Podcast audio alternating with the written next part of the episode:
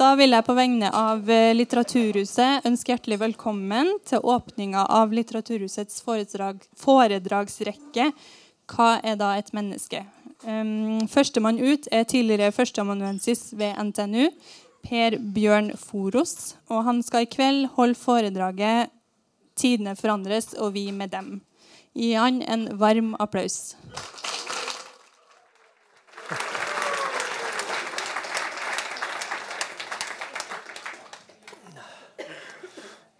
Ja, det er godt med applaus på forhånd. Hva er da et menneske? Noen spør da, da dette da. Hvor det kommer det fra? De mest bevandrede i Den hellige skrift vet at det her er fra Salmenes bok. Hva er da et menneske? Og Det signaliserer jo at en har diskutert det her litt på forhånd, slik at en føler behov for å stille det helt avgjørende spørsmålet hva er da et menneske? Og det mener jeg da at det er mange grunner til å stille i dag det spørsmålet på bakgrunn av uh, at det er en debatt på gang om menneskets vesen. Eh, menneskets muligheter og grenser. Eh, ansvar stilt overfor vår tids problem osv. Altså Selve humanismen på en måte satt under debatt, tror jeg det er riktig å si at, at, at vi ser. Det er selvsagt et veldig sånn abstrakt spørsmål, og derfor skal jeg da være veldig konkret. Eh, når jeg da stiller spørsmålet Tidene forandres, og vi med dem. Eh, de litt tilårskomne vil kanskje huske at det var, det var vel Norges Dusteforbund som hadde den formuleringa der. Tidene forandres, og vi med dem. Og det er veldig riktig. Og Jeg kaller det for et illustrert drama i tre akter. og Det er selvsagt for å piffe det opp litt, men det er altså veldig mye bilde det her er basert på, i håp om at det skal skape assosiasjoner og, og forståelse. Så hele eh, prosjektet her, iallfall kveldens foredrag, det er et forsøk liksom på å skape noen linjer i det landskapet som peker framover mot den debatten og den uh, At det spørsmålet liksom så, er så uh, i ferd med å bli så viktig i dag. Så dette er da et forsøk på å skape et slags bakgrunnsteppe for hele den debatten. Det består altså av bilder, det er avisutklipp, det er sitat, det er eh, eh, Sa jeg avisklipp? Avisutklipp. Det er en veldig viktig del av det. Så det er veldig konkret, og det skal altså danne et sånn billedmessig bakgrunnsteppe. I, og når det gjelder altså endringer i synet på mennesket. For det er jo det det handler om. altså Tidene forandres, og vi med dem. Og da tenker jeg på liksom mentalitet som vi har til ting, holdninger, verdier, trekk ved samfunn og kultur som altså endrer seg, og som sier noe om liksom, det å være menneske altså, i skiftende tider. Eh, det er da avgrenses til det som eh, i praksis er forrige, en annen tittel som vi kunne ha valgt, var 'Hvordan 1900-tallet formet oss', og hva så? For det er på en måte det her hundreåret som vi snakker om, altså i i det senmoderne. Det er det som er tidsperspektivet på det som jeg skal uh, legge fram her. Jeg skal før jeg starter på det her, si, da, som uh, hun nevnte i introduksjonen her, at det her fortsetter da med flere foredrag i samme serie. Det er Den første som skal ut, det er Marianne Meløy. Um, som skal snakke om 'Et menneske er alltid mange'. Dag Hessen, biologen, skal snakke om mennesket bedre enn sitt rykte. Eh, Arne Johan Vetlesen skal snakke om mennesket i allnaturen, altså stilt overfor naturen. Inge Eidsvåg skal snakke om døden, livets følgesvenn. Og til slutt foreløpig er Margaret Olin, som skal ha kalt foredraget sitt for 'Ømhet for menneskeverdet'.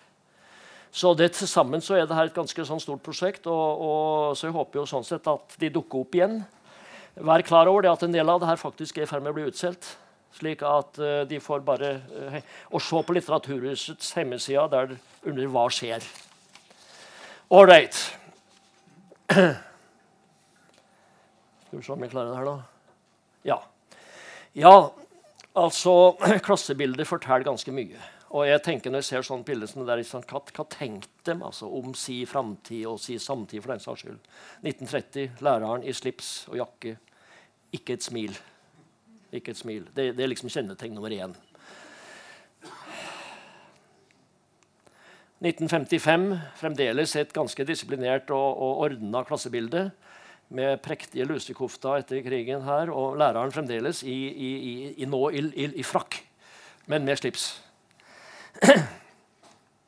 1980, her begynner det å skje ting. Her har jo fargebildene kommet. Altså, men, men, her er det nokså nok uoversiktlig og litt sånn rotete. Og vanskelig å se hvem som er læreren. Jeg lurer på om det er han som har sittet til høyre der. Og så begynner det å virkelig ta av her. Uh, her det, ser det ut som en slags karneval, og det er kanskje det det er òg, da. Men iallfall framstår det som et klassebilde. Og så kan de trekke pusten. Dermed så begynner jeg å ane nå om mine tre akter, og de skjønner at det her er på en måte tredje akt. Jeg kan jo foregripe såpass at de sier at her er vi framme ved tredje akt. Dette er som sagt veldig konkret. Dette er bildet tatt på min gamle eh, forhenværende arbeidsplass. Og det sier noe veldig viktig. Det her skal jeg illustrere de to første akterne i dette dramaet, her, som da har fått navn etter sosiologen Sigmund Baumann, som kaller en periode i det senmoderne for det faste moderne. Og deretter det flytende moderne, som da er de to første akterne. Og her skjønner de veldig godt hva som er det faste, og hva som er det flytende. Det til øverste og til venstre her, det er da bedehuset eller Folkets hus-koppa, der, der, det var dugnad, det ble stabla, og det var signalisert orden og fellesskap.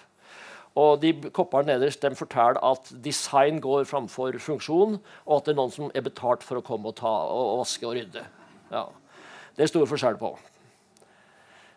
Eh, men det er altså de to første akterne her. Og første, den aller første heter da, kaller jeg da for det faste moderne. Sånn cirka tids, Alt det her er ganske omtrentlig. på en måte? Alle modeller og alle sånne store, store linjer blir, blir, ganske sånn uh, omtrentlig. Men jeg, la oss si at det handler om en periode fra 1920 og fram til 1970. Og 1970 det er et vannskille. altså. Det, det vil jeg forstå. Og hva er så bakgrunnen for det her?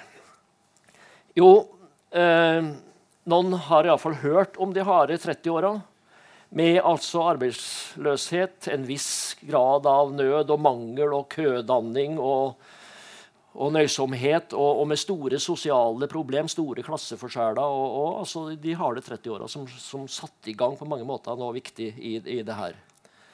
Så kom krigen med sine ødeleggelser. Ikke så veldig mye i Norge, men altså til venstre Finnmark og øverste høyre Steinkjer. Og det er klart, det her altså setter spor. Og Deretter så var det altså samling i bunnen, altså forening og gjenreisning. Og alt det som knytta seg til det av holdninger og mentalitet. For hva er det det handler om det her nå? Jo, det handler altså om eh, altså Den perioden her er til tross for, eller kanskje pga. at det var så mye vansker, så var det også bak det tro på at verden kom til å bli bedre. Måtte bli bedre. Eh, og det var aksept for sterke og faste fast, Kjenn på fastheten. Fast, det faste moderne. Faste politiske grep.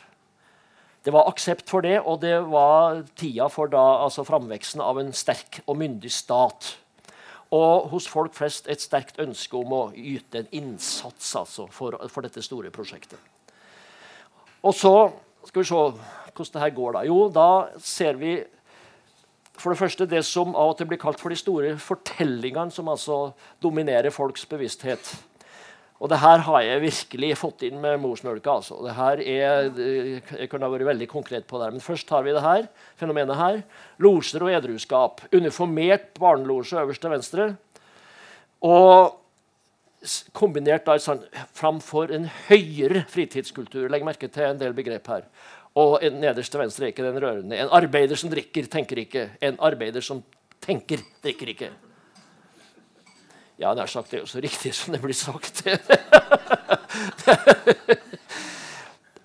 og det neste er da denne store nasjonalsaken, altså nasjon og norskdom, staten, norsk nasjonsbygging og målsak, og det var røtter, og det var fellesskap knytta til nasjon. Nasjon altså nær sagt også kommer misjon. Fordi at eh, det her er også noe viktig i barndommen min. Altså, og det bildet nederst til venstre her, det er riktignok svensk, men det kunne ha godt ha vært klasserommet mitt. Med der vi sto ved pulten og ba våre bønder og sang salmer. Og, Og det var skikkelig, skikkelig trøkk i det her. altså. Og øverste høyre, som kanskje ikke alle har opplevd, men altså bedehuset med vitnesbyrd og, og synserkjennelse og, og indremisjon og, og, og, pietisme. altså. Sterke saker. Sterke saker for et barnesinn. Ja. Mor var, mor var, omhyggelig med å instruere meg når vi var på vei hjem fra sånne møter om at det der må du, du må tro på riktig alt av det der. Det er kjærligheten og nåden som gjelder, ikke synd, skyld og skam. Det var det jeg fikk inn. Men nederst til høyre har vi da misjonen. altså Tanken om at en skulle ut i verden i tillegg og drive misjon og, og, og, og, overfor de vantro. Det, det, er et, et, veldig stort prosjekt, det her.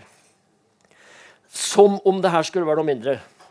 Her har vi da til venstre AUF som marsjerer i eh, nærheten av Folkets hus. Og vi har Bakkebrua der i bakgrunnen og i uniform. Legg merke til sånne detaljer nå, som jeg skal si litt mer om. Og han til høyre, som ikke alle studenter i dag vet hvem er, men som jeg regner med de aller fleste i denne sal vet, er Martin Tranmæl.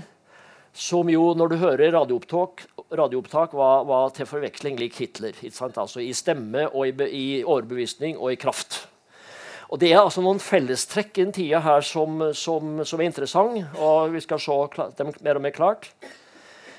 Så har vi det her at det da nettopp derfor sant, gikk over i de, altså forføring inn i store bevegelser, uniformerte bevegelser som altså marsjerte under forskjellige faner og flagg. Altså Til venstre Hitlerjugend og til høyre eh, ungpionerene i, i, i, i, Moskva. Sånn at uh, i, i, noen sammenhenger så gikk det her over i ideologier og isma som altså med, med klare autoritære trekk. og Felles for hele perioden er denne sterke overbevisninga i sak. altså Tru på noe og, og, og, noe arbeidet for, og så skal verden liksom forandres og forbedres. Det, det er veldig sterkt fellestrekk. Så er det noen forestillinger her om det forjettede land. altså Det er nesten sånn bibelsk der også. Moses, det forjettede land. Og her handler det da om slike ting som at det dukker opp nesten sånne utopier Altså det her Bildet øverst til høyre på, på, fabrikken og industrisamfunnet er nesten religiøst i, i, i, i, stemning. Det er en voldsom uh, tillit på en måte til, i det bildet der. Og Nederst til venstre så har vi den her organiserte planmessigheten i boligbygging og arkitekturen den gangen, som altså avspeiler den her søken liksom etter, etter, orden og system og struktur og alle de tinga der. altså. Og så er det altså stor begeistring og stor tillit til hva som kan komme. Det moderne samfunn kan tilfredsstille nær sagt ubegrensede behov. 1945.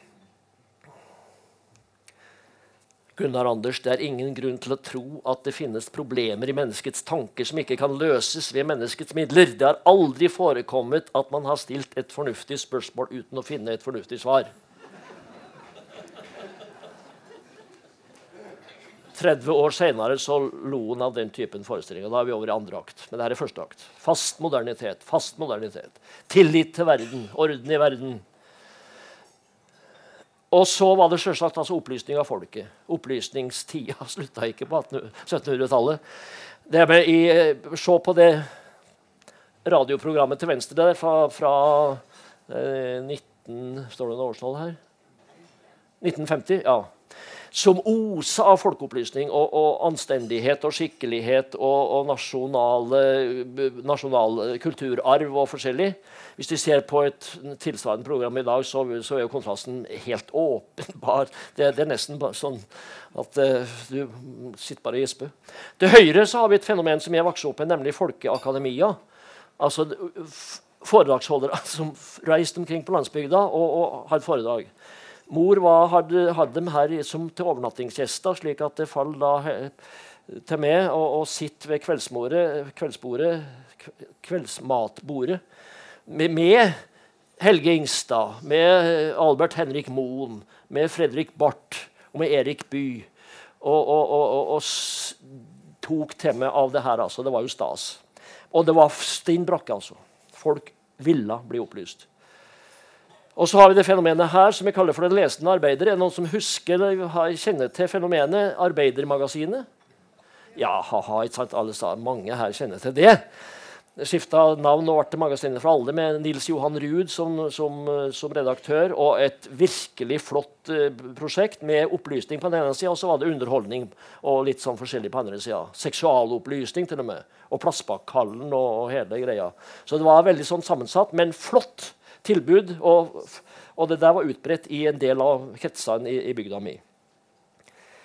Og så har vi det fenomenet her som da er mer over imot altså et slags eliteprega ideal. altså Dannelse, Humboldt øverst til venstre her, og Universitetet i Berlin. Og festsalen på Katta nederst til høyre med duskelue.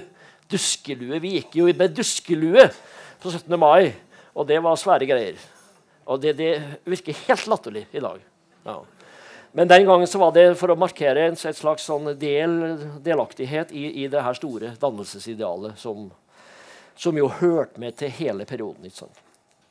Så skulle det altså bygges et nytt samfunn. Og det, da kom jo altså den store landsfader Gerhardsen som statsminister, og her er jo sosialdemokratiets store gullalder. Og planøkonomien som fenomen. altså Det at ting måtte styres, økonomi måtte ordnes, reguleres. og Det var avgiftspolitikk og det var skattepolitikk, og det var rasjonering. Altså Like etter krigen så var det jo rasjonering. Her ser de korta.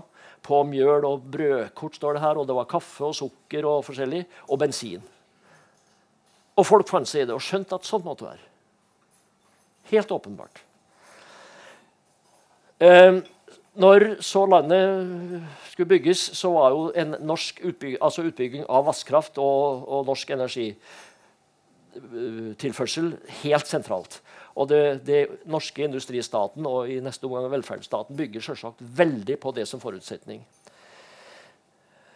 Og så kom jo det her til uttrykk da, nettopp i, i valgplakater. Og hvis du ser på det her, så er det til forveksling likt plakater fra andre land og stater Eh, og mer autoritære stater i samme tidsperiode som hadde samme på en måte symbolikken. altså Voldsomme begeistringa, farger og vekst og velstand. Og her ser du at grågåsa flyr sant, over, og en, en, hever blikket og ser liksom mot horisonten. Og det er, det er alt går framover. Altså. Det er det som er budskapet. Alt går framover her i verden. Og det gjorde det jo for så vidt altså, som at her begynte vi å få smake på velstandens goder. Og her ser vi Anglian til venstre. ja. Bilen ble jo faktisk frigitt først i 1960. Ja. Og når jeg spør studenter, så er det ikke alle som vet hva det til høyre er. Men her vet selvsagt alle det, at det er en Evalett vaskemaskin. Altså, som da kom på, Og det var jo svimlende endringer sant, i hverdagslivet knytta til det her. Og så skulle jo velferdsstaten bygges. Og vi har øverst til venstre det som vi kaller for, for, for for, uh, sunnheten. Altså Oslo-frokost. Nå er det jo det på vei inn igjen. altså Forestilling om at uh, unger skal ha er sunn ernæring. Og øverst til høyre Folkebadet, som da var en stor sak. Og utover bygda så var det badstubad. Hos oss hadde vi badstubad i kjelleren. Det kosta 25 euro, og da var det kaffe på, på kjøpet.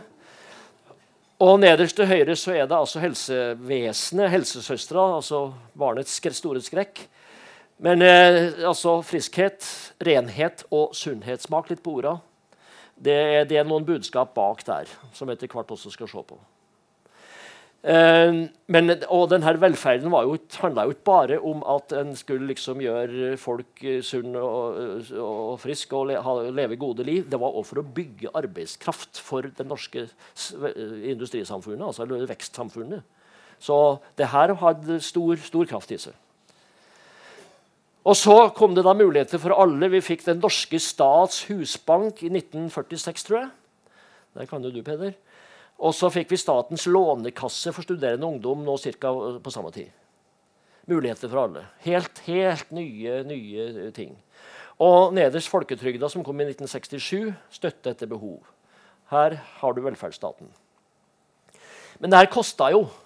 Det, det, kom ikke gratis, det krevde innsats, og det var folk klar over. Og da fikk en medalje for lang og tro tjeneste. Det er på en måte stikk motsatte av i dag. I dag er, taler de imot en hvis den er mer enn tre-fire år i samme jobb. For da er, har det noe med manglende omstillingsevne å gjøre. Men den gangen så fikk en premie for, og, og, medalje for lang og tro tjeneste. altså, Jeg prøver å få fram at alt har på en måte to sider. Altså. Det, det, er ikke enkle svar på noe, de tingene her, men det er alt. Skifte. Skifte fortegn. Skifte konjunkturer. Og, og, og, der tror jeg vi har noe viktige, viktig innsikt om selve mennesket. da. Og så har vi det her. Legg også merke til rekkefølgen her. Gjør din plikt, krev din rett. Også der er det vel tendenser til at en i dag har en motsatt rekkefølge. Og så har vi kveldens vakreste bilde. Altså i relasjoner Vi snakker nå på en måte om trofasthet og utholdenhet osv. Og, og slik også da i relasjoner, f.eks. i et ekteskap. På skiltet på veggen her så står det 'Var trogen inntil døden' så skal jeg giva deg livsens krona. Ja. Jeg ser for meg at det er en enkemann her som har levd et, et samliv bak der. Og så er det jo sånn at for Nå har vi kanskje snakka som en enhet, men det var et stort enhetsprosjekt her, altså nasjon, fellesskap, som skulle bygges. Og det kom til å ha sin pris. Første del av det er altså det som kalles oppbrudd fra bygdene. Det var sterke virkemidler. Nå er det klart at det var også eh, rasjonalisering av landbruket som gjorde at det ble et slags overskudd. Og, men, det, og var, men var også voldsomme virkemidler for å få folk inn til vekstsentra for, som arbeidskraft til industrien. Og sånn sett så var det masse oppbrudd, ønska og uønska, men iallfall så var det nødvendig på en måte da, for, for å bygge den nye velferds-, enhets- og vekstsamfunnet. Og så har vi det her. Som jo bare er trist. Det er altså 17. mai, og nå har man plassert et flagg i handa på denne samme jenta og skal, i håp om at hun også skulle se lykkelig ut, glad ut. Og du kjenner hele historien sant? Altså om norsk, norsk, fornorskinga av det samiske. Forbudt å snakke sam, samisk i skolen, enda mer forbudt med joik. Og de skulle altså inn i det norske storsamfunnet. Og det her som da ikke er noe bedre, det her er da til høyre 51. Det er vel et bilde som kanskje er like mye sigøynere som tatere, men de kjenner til hele den historien. Og Norsk misjon blant hjemløse og interneringsleir på Nordmøre, der en altså skulle forbedre og delvis eh, kristne, vel, altså disse utskudda som kom fra bålet og og, og med kulørte gevanter sagt, og flasker på baklomma, så skulle det altså forbedres. Og det var det veldig klare forestillinger om. Og jeg tror det måtte et kongehus til for å beklage det. Så vidt jeg husker, så var det først etter hvert nå i løpet av kanskje bare for ti år siden at en, at en offentlig på en måte beklaga det her. Og så har vi det her. Altså, det er veldig mye i den tida som handler om, om, om, å ordne opp, rydde opp, forbedre, sortere, ordne tilværelsen. Liksom, og, og, foredling av rasen hører med til det her. Og um, Steriliseringslova av 1934 ble vedtatt mot ei stemme. Som altså tillot uh, sterilisering av uh, åndssvake, som det het. Vanekriminelle, tatere og homofile, tror jeg, i tillegg. I fall. Og det, den var, var i, i, virke fram til 1970, på 70-tallet. Ja, tenk på det. Og, og det her sier, også, sier også at det her er mennesket forstått som biologi. Det kommer vi tilbake til, nemlig. For da er vi over i tredje akt. Men altså mennesket forstått som biologi var en veldig sånn sterk faktor, faktor den gangen.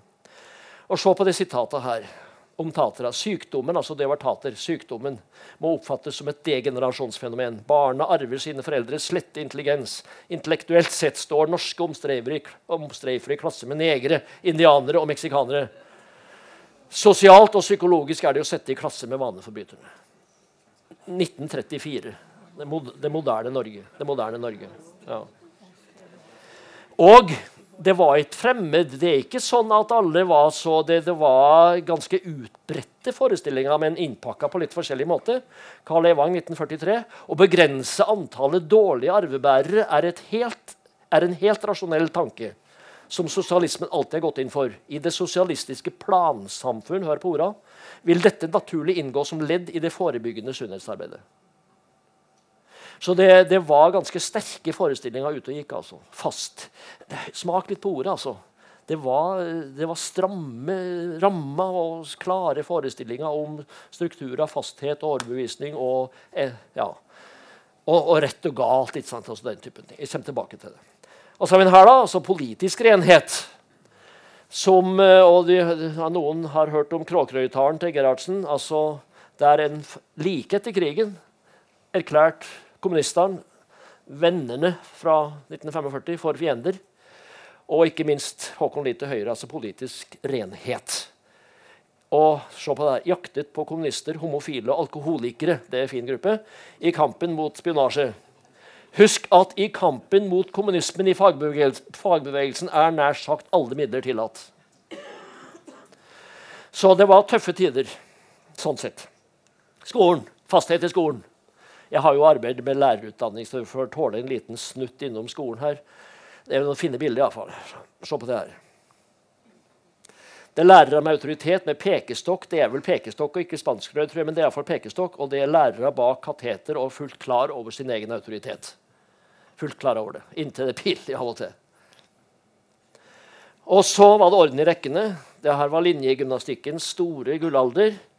Og nederst til høyre altså det der kunne jeg ved skolen min, vi marsjerte inn ikke sant, to og to. Og det her Margrethe Munthe har jo fanga det her. ja Da Da klokka klang så fort vi sprang.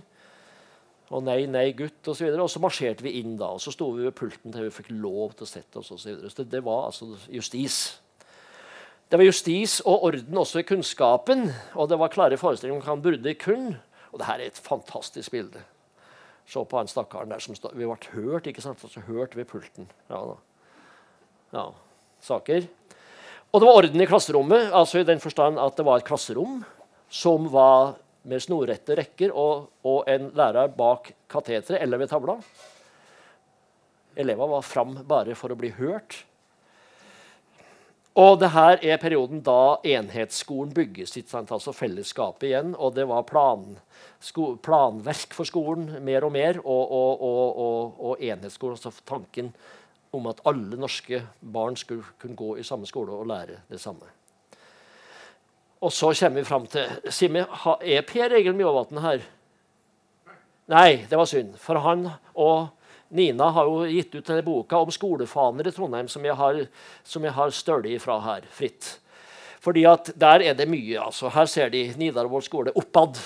Legg merke til det. Her går det oppad og framover, altså, mot, mot lyset. Lyset. Sammen. Mot lyset. Og kunnskap gir lys, og samhold gir grobunn. Det er vakkert. Det her er rett og slett altså en sånn voldsom optimisme og, og, og, og lys over denne perioden. her i den. Men så var det altså noen som falt utafor. Fordi at det her er jo da sånn sett segregeringas tid. altså, fordi at Det var ikke alle det var plass for i den vanlige skolen, men det var selvsagt også noen forestilling om at de ville få det bedre, lære mer osv. i spesialskolen eller institusjon. Og det her ble altså mange marginale grupper i samfunnet på en måte institusjonalisert. Det gjelder ikke bare skole, det gjelder psykiatri og mange ting. ikke sant? Det her var tida da du ordna opp verden på den måten her. Sånn at i sum Og dette er kveldens første konklusjon. Da gjør det sånn så jeg får en liten tenkepause, eller en liten sånn pustepause. Uh, hei. Det her, altså det som vi nå har kalt for fast modernitet, det var sett i ettertid en høykonjunktur for alle sånne forestillinger om det som vi kaller for det normative. At noe er sant, noe er usant, noe er rett og noe er galt. Noe er godt og noe er vondt. Altså Den typen forestillinger var det blomstra det.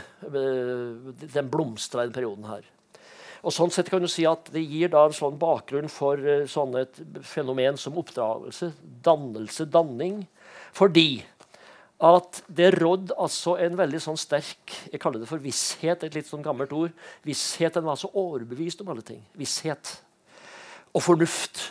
Alt var, var basert på fornuft. Enhet, Tanken om enhet og fellesskap sto sterkt. Selvsagt forutsetninger for sånne begrep. Ja, for, for, danning i viss forstand. Tillit til autoriteter. Det, det, begrepet kommer jeg tilbake til, for det er jo et veldig tveegga tve, sverd. Men i, fall, i den perioden her så var det altså veldig stor tillit til autoriteter i skolen. Lærere i samfunnet for øvrig. Og klarhet i roller. Lærere var lærere, elever var elever, foreldre var foreldre, og barn var barn osv. Så, videre. så det til sammen så gir liksom det her et, et, et, sånn teoretisk sett iallfall sterkt reisverk for den typen uh, prosesser som altså oppdragelse og danning. Men sjølsagt kunne tjene vest, helt forskjellige formål. Alle skjønner det. At slike sterke ting som det her kan tjene for så vidt det gode og det, og det onde i nyhetsforstand. Sånn at uh, Vi skal også være klar over altså, de utvekstene som nå lå i det her. Da, i det hele tatt skal jeg prøve å legge vekt på at alt har altså, to sider. Utvekstene ved den perioden her og det faste moderne var det at all denne hangen til visshet kunne bli til meningsterror.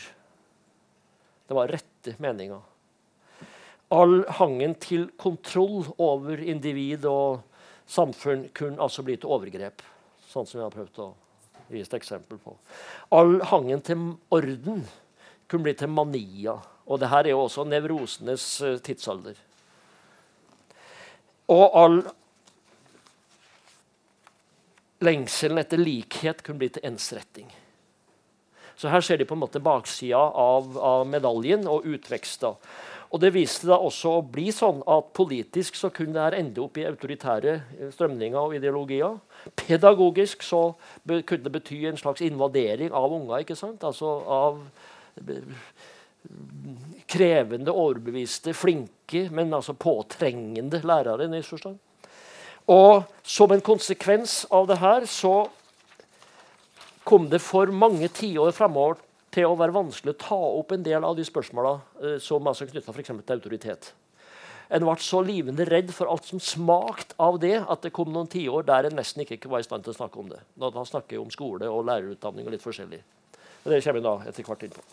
Men autoritetsbegrepet på godt og vondt sto sterkt der, også på vondt. Og tilsvarende så, så kom det til å lide en vanskjebne i tiåra etterpå der en ikke var i stand til å snakke om det. Men så kommer det altså nye tider. Jeg har forresten tenkt å ta en pause kvart over. Da blir det anledning til å kjøpe eh, bunkere, bunkere og, og, gå her og der for å tilfredsstille alle slags behov. Og så blir det økt til, altså. Etter pausen.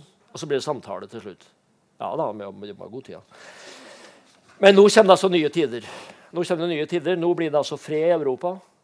Og det er noe annet enn krig. Vi får en økonomisk vekst sammenhengende frem til denne dag, som jo selvsagt er noe helt annet enn krisetidene og nøden i mellomkrigstida og etterkrigstid, tidlig etterkrigstid. Liberale strømninger, som er noe annet enn de autoritære strømningene som jeg nå har beskrevet i, i, i det faste moderne. Og demokratiske ideal, som i stedet for altså totalitære system. og sånt. Så det ideal som nå dyrkes, vokser og får vind i seila, og så skjer det. Og det her er det en del i, i den salen som har følt, altså. Må ha følt. Altså at grepa løsner. Grepa løsner. Grepa løsner. Senke skuldrene nesten som Høstflot Klæbo, som nå kan senke skuldrene. Ja. Nei, grepa løsner. Og da skal vi altså over i neste, neste akt.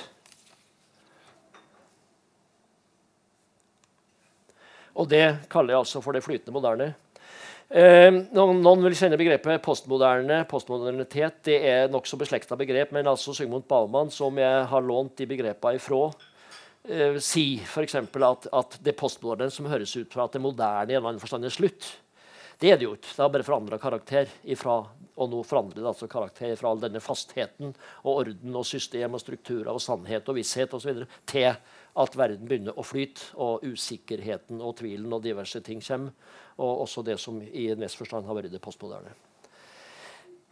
Det er noen signal som kommer tidlig her. og det her vekker jo da selvsagt en slags sånn god følelse hos mange av oss. Det er fra 50- og 60-tallet. Da kom rocken, altså Elvis og, og, og, Beatles der det var til høyre, og, og beat-poesi. Og så fikk vi filmene, altså de kultfilmene med, med Brando og James Dean, altså rotløs ungdom og, og, og, så videre. Og vi fikk motstand i USA da, mot, mot Vietnamkrig og forskjellige andre ting. Rase, raseopptøyer osv. Det var en, uro som kom på 50- og 60-tallet, og som peker altså framover imot det som kom til å bli et ganske vesentlig vannskille nemlig 70-tallet. Og da er det nok mange her som kjenner seg igjen da, altså i denne radikale bølga som kom på, på, på 70-tallet, og som jeg har tillatt meg å kalle revolusjon og fest. Fordi at her er det en slags sånn uh, sånn eh, Ja, jeg skal ikke bruke et fint ord. altså Dialektikk i forholdet mellom, mellom revolusjonssida ved det og, det og det mer festlige sida. Men nå skal vi se på det, nettopp på det. Det her har, ser en klarere i ettertid at det her var to forskjellige eh, mentaliteter på en måte som utvikla seg etter hvert. Og Vi skal først se på det som jeg kaller for ungdomsopprør A. Det som handler først og fremst om samfunnskritikk. Politisk. Og selvsagt henger det sammen med altså studentopprøret 1968, som også var et arbeideropprør, men som iallfall handla om politisk Det var politisk i, i, hele sin karakter. Og en var imot maktstrukturer og maktutøvelse og mot urettferdighet og, og, og, og undertrykking og imperialisme osv. Og, så og, og det handla altså om politisk frigjøring, frigjøring ifra all denne urett og undertrykking. Og det var et, et, politisk prosjekt, og det var politisk frigjøring, som en har kalt det. Og det kom jo da til å vise seg i praksis, ikke sant? og det her har vi nå hatt nær innpå oss mange her, tenker jeg. altså øverste venstre, altså at studentene da også var undertrykt. og okkupert auditoria og, og, og, og, ville bestemme pensum og, ta kontroll over studier osv. Det var også en forestilling. Altså, og med kanskje det som det i ettertid er verst og, eller vanskeligst å skjønne at det var så fryktelig viktig. Men det andre her det kom da med stor kraft og var all grunn til at det kom. ikke sant? Altså kvinneundertrykking. Og e, nå kommer jo e, e, EEC som heter en gang. Solidaritet. Um, solidaritet var et veldig uh, utbredt ord. Og nederst til høyre Alta-aksjonen, som da skal vi se, 70, Det var altså 20 år etter fornorskingsprosjektet så snudde stemningen altså totalt til altså sympati med og solidaritet med det samiske folk. Iallfall i, i, i festtaler. Men eh, det er interessant å se altså, hvordan uh, verden forandres på kort tid. Og så hadde vi altså det uh, her som, uh, som var på en måte bygda Utkant-Norge, som ble litt mer bevisst og fikk medhold. For det var også en slags altså solidaritet med Bygde-Norge. Og det var visebølge. Og vi har altså Rotmo og kompani nærmest til venstre her. Og, det, og hvor Hammaren, Edvard, alt det her handla jo på en måte om forringing, utarming av Bygde-Norge og, og, og, solidaritet i så måte. Og så, og igjen bare 20 år etter vekstromantikken på sitt mest utbredte, så kommer altså iallfall en viss vekstkritikk. Og det her er altså Erik Damman som da starter 'Framtiden i våre hender', som vil bremse forbruket. Altså Det er en helt ny stemme. Øverste venstre Rolf Groven, som har måla en del av de her flotte bildene. Her er det Bruddeferden i Hardanger som er omgjort til oljesøl. Og så fikk vi Mardøla-aksjonen. Det er jo veldig mye miljøaksjonisme i, i, i, det her. Og Sigmund Kvaløy Sætreng, som altså ble børret bort der under Mardøla-aksjonen, som var eh, første i sitt slag altså på det å, å ta opp på en måte hele vekstfilosofien og energipolitikk i den sammenhengen, og, og kostnadene på en måte ved, ved, det. Og så har vi det fenomenet her, som jo kom til å hete i Dag Solstads bok 'Den store vekkelsen som hjemsøkte vårt land'. Og det var jo en slags Ja, iallfall langt til, til venstre Arbeidernes kommunistparti, marxist-leninistene, Pål Steigan nederst til høyre her, og, og, han der, ja, og så Sigurd Alderen, og det store formann Mao, som var forbildet. Og det der eh, kom jo til å få en del også, må man vel si, noen autoritære trekk da, som i ettertid har ført til diverse former for skriftemål og, og fra andre hold latterliggjøring osv. Så, videre. så det var jo og det var et lite parti, men med relativt, også i europeisk målestokk, stor. Og kanskje på en del områder større innflytelse enn det omfanget skulle tilsi. Liksom. Men det var en, en faktor på, på 1970-tallet. Så kommer vi til ungdomsopprør B, som altså er, eh, mer knytta til en kulturkritikk. I den grad og i begynnelsen og kanskje generelt så er det ikke så enkelt å skille.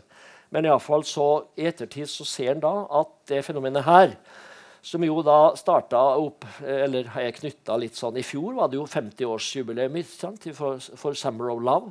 Og i år er det for altså uh, 68-opprøret. Så det er viktige historiske milepæler her nå.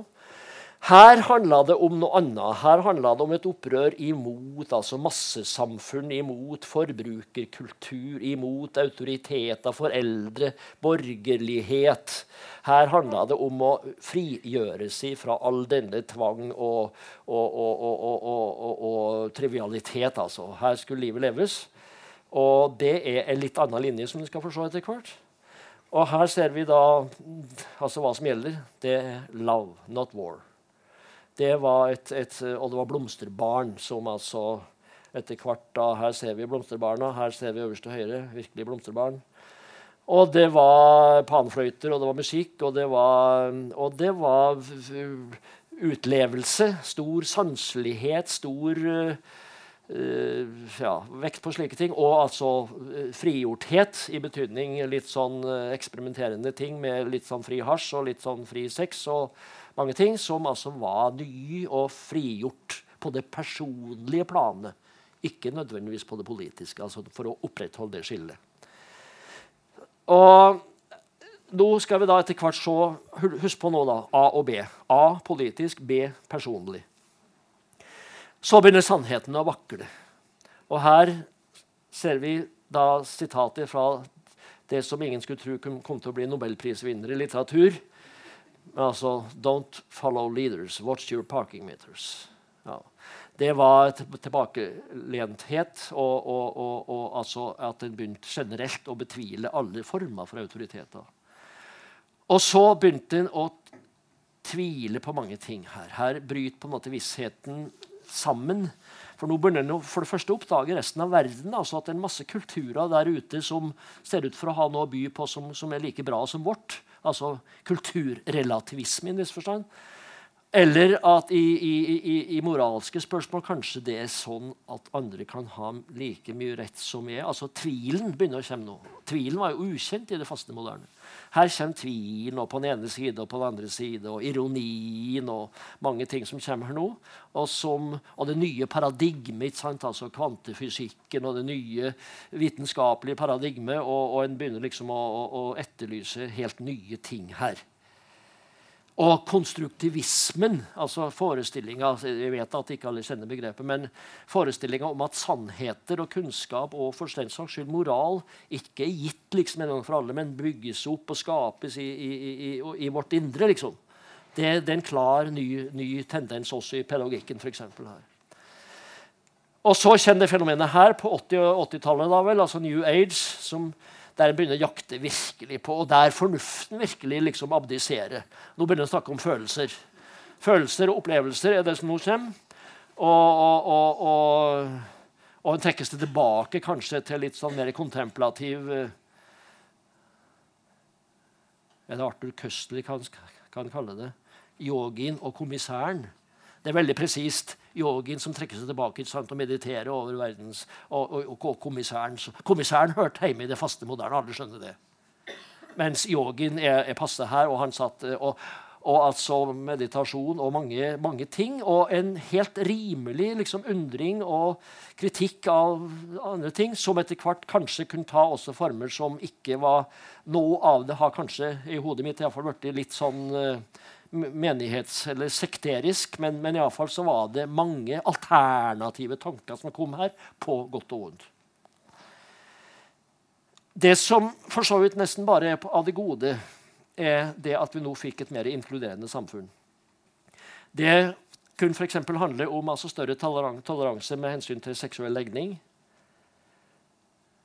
Homofili var jo også forbudt. Straffbart fram til når? Mye? 70-tallet? Ja. ja, ikke sant? Altså, 70-tallet er viktig. Og så fikk vi altså de mer eh, outsidere i forhold til skole, som altså nå kom inn i skolen. Nå fikk vi en store integreringsbølge. Med da eh, det ble små institusjoner og, og, og åpent inn i skolen for, for, for dem som ikke har passa så godt inn tidligere. Og så kom altså for første gang det, det, som vi den gangen kalte for kulturelt mangfold, våre nye landsmenn, fargerikt fellesskap og litt sånne fine ord. De skjønner hva jeg vil hen, altså at de peker noe fram mot tredje akt. Men, men det, her var det foreløpig veldig populært og, og ingen problem.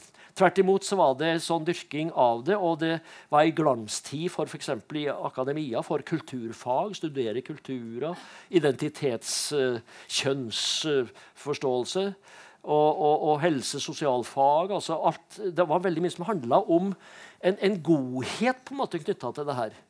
Nesten slik at jeg tror Sylvi Listhaug må tenke på det her som opphavet til det som hun kaller for hei sann, godhetstyranniet. Altså, her var det iallfall veldig mye godhet ute og gikk. Altså. Ja.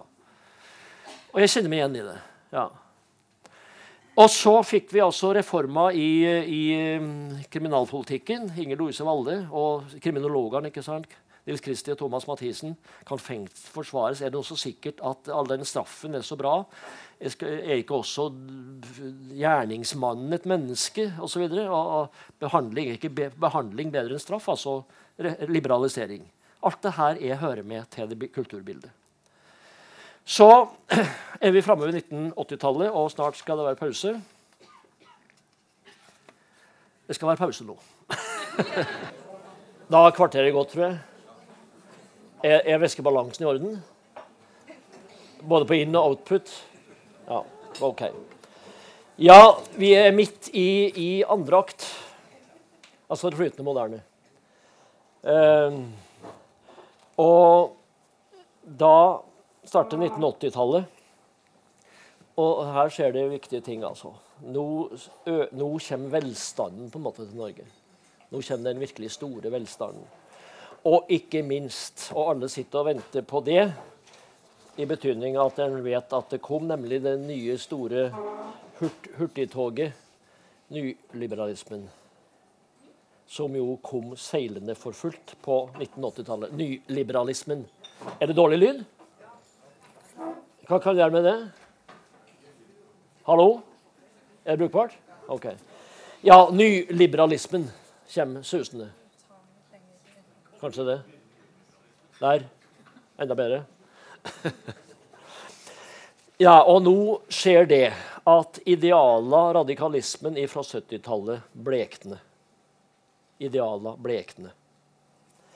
Og så tar jeg et ganske sterkt ord i bruk lettheten seire. Skal vi se på det her.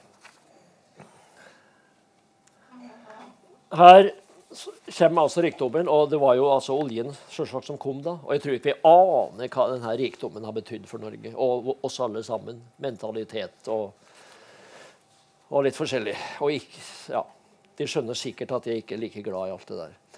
Men iallfall så får vi nå da her kjøpes det Volvo og Ekornes-salong, og det kommer inn i de tusen hjem. ikke sant, altså, Den nye rikdommen. Og så kommer altså dette fenomenet her med de to frontfigurene Thatcher og Reagan. Og Thatcher som altså ikke ser noe samfunn i det hele tatt. There is no such thing as society.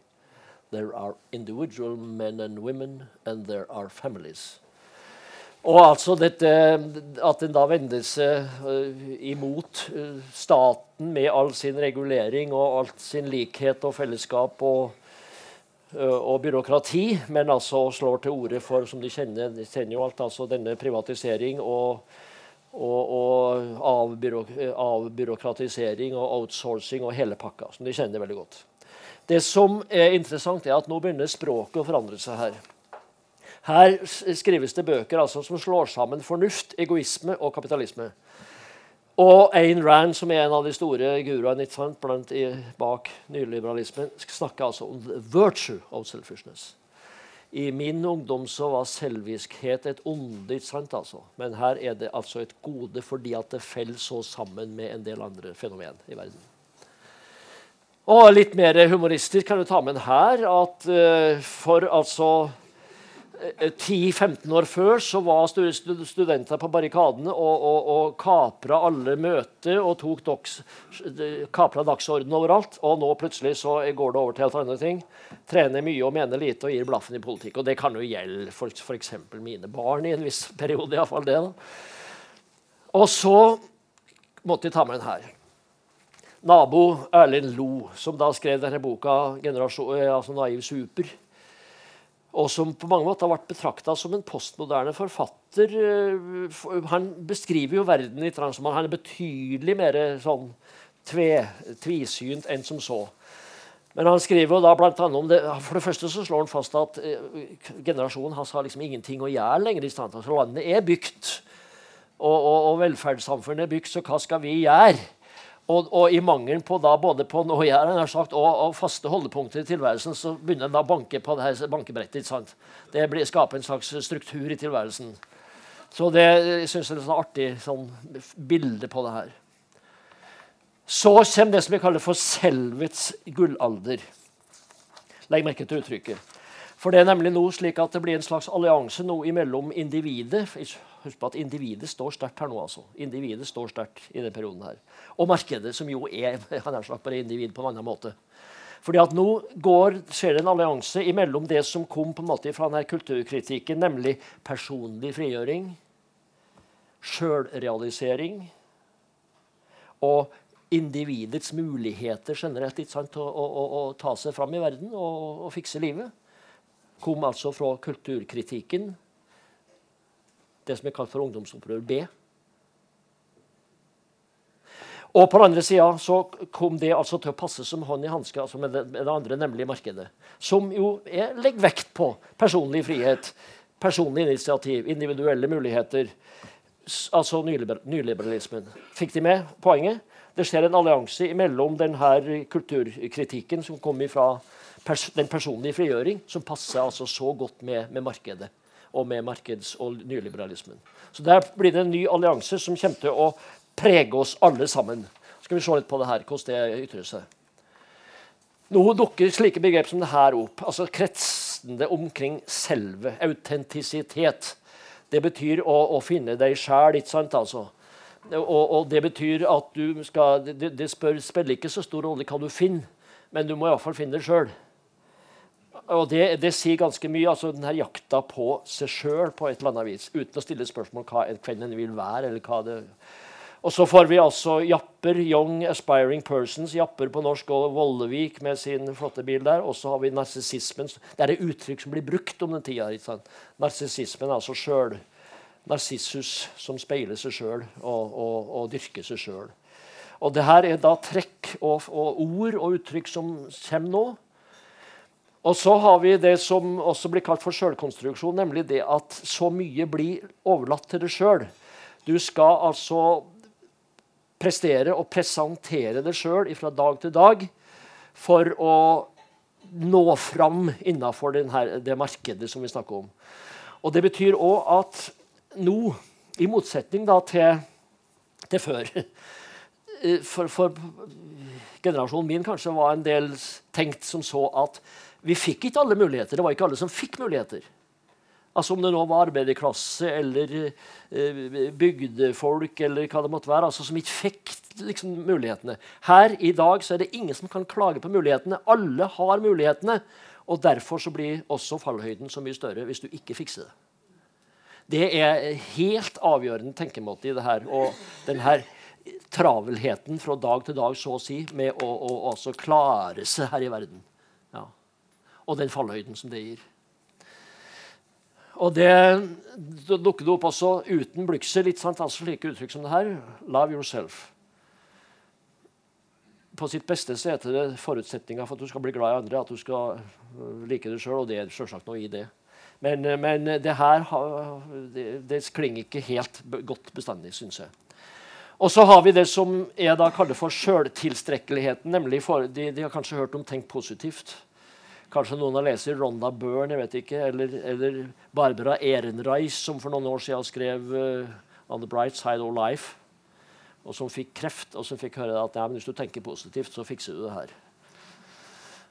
Og hun skjønte øyeblikkelig at så enkelt var det ikke. Og, og, og, i det hele tatt den bølgen her om at du kan fikse alt. Du kan fikse egen helse. Du kan finne den store kjærligheten. Du kan bli, leve så lenge du vil. Du kan bli så rik du vil, osv. Altså forestillinga om at alt er mulig, har blitt til det som en kan kalle for en sånn, sånn sjøltilstrekkelighet, og som er et, i hodet mitt et litt problematisk tankebilde. Så endrer friheten karakter. Det skal jeg si litt mer om, men, men altså frihet oppfattes som krav.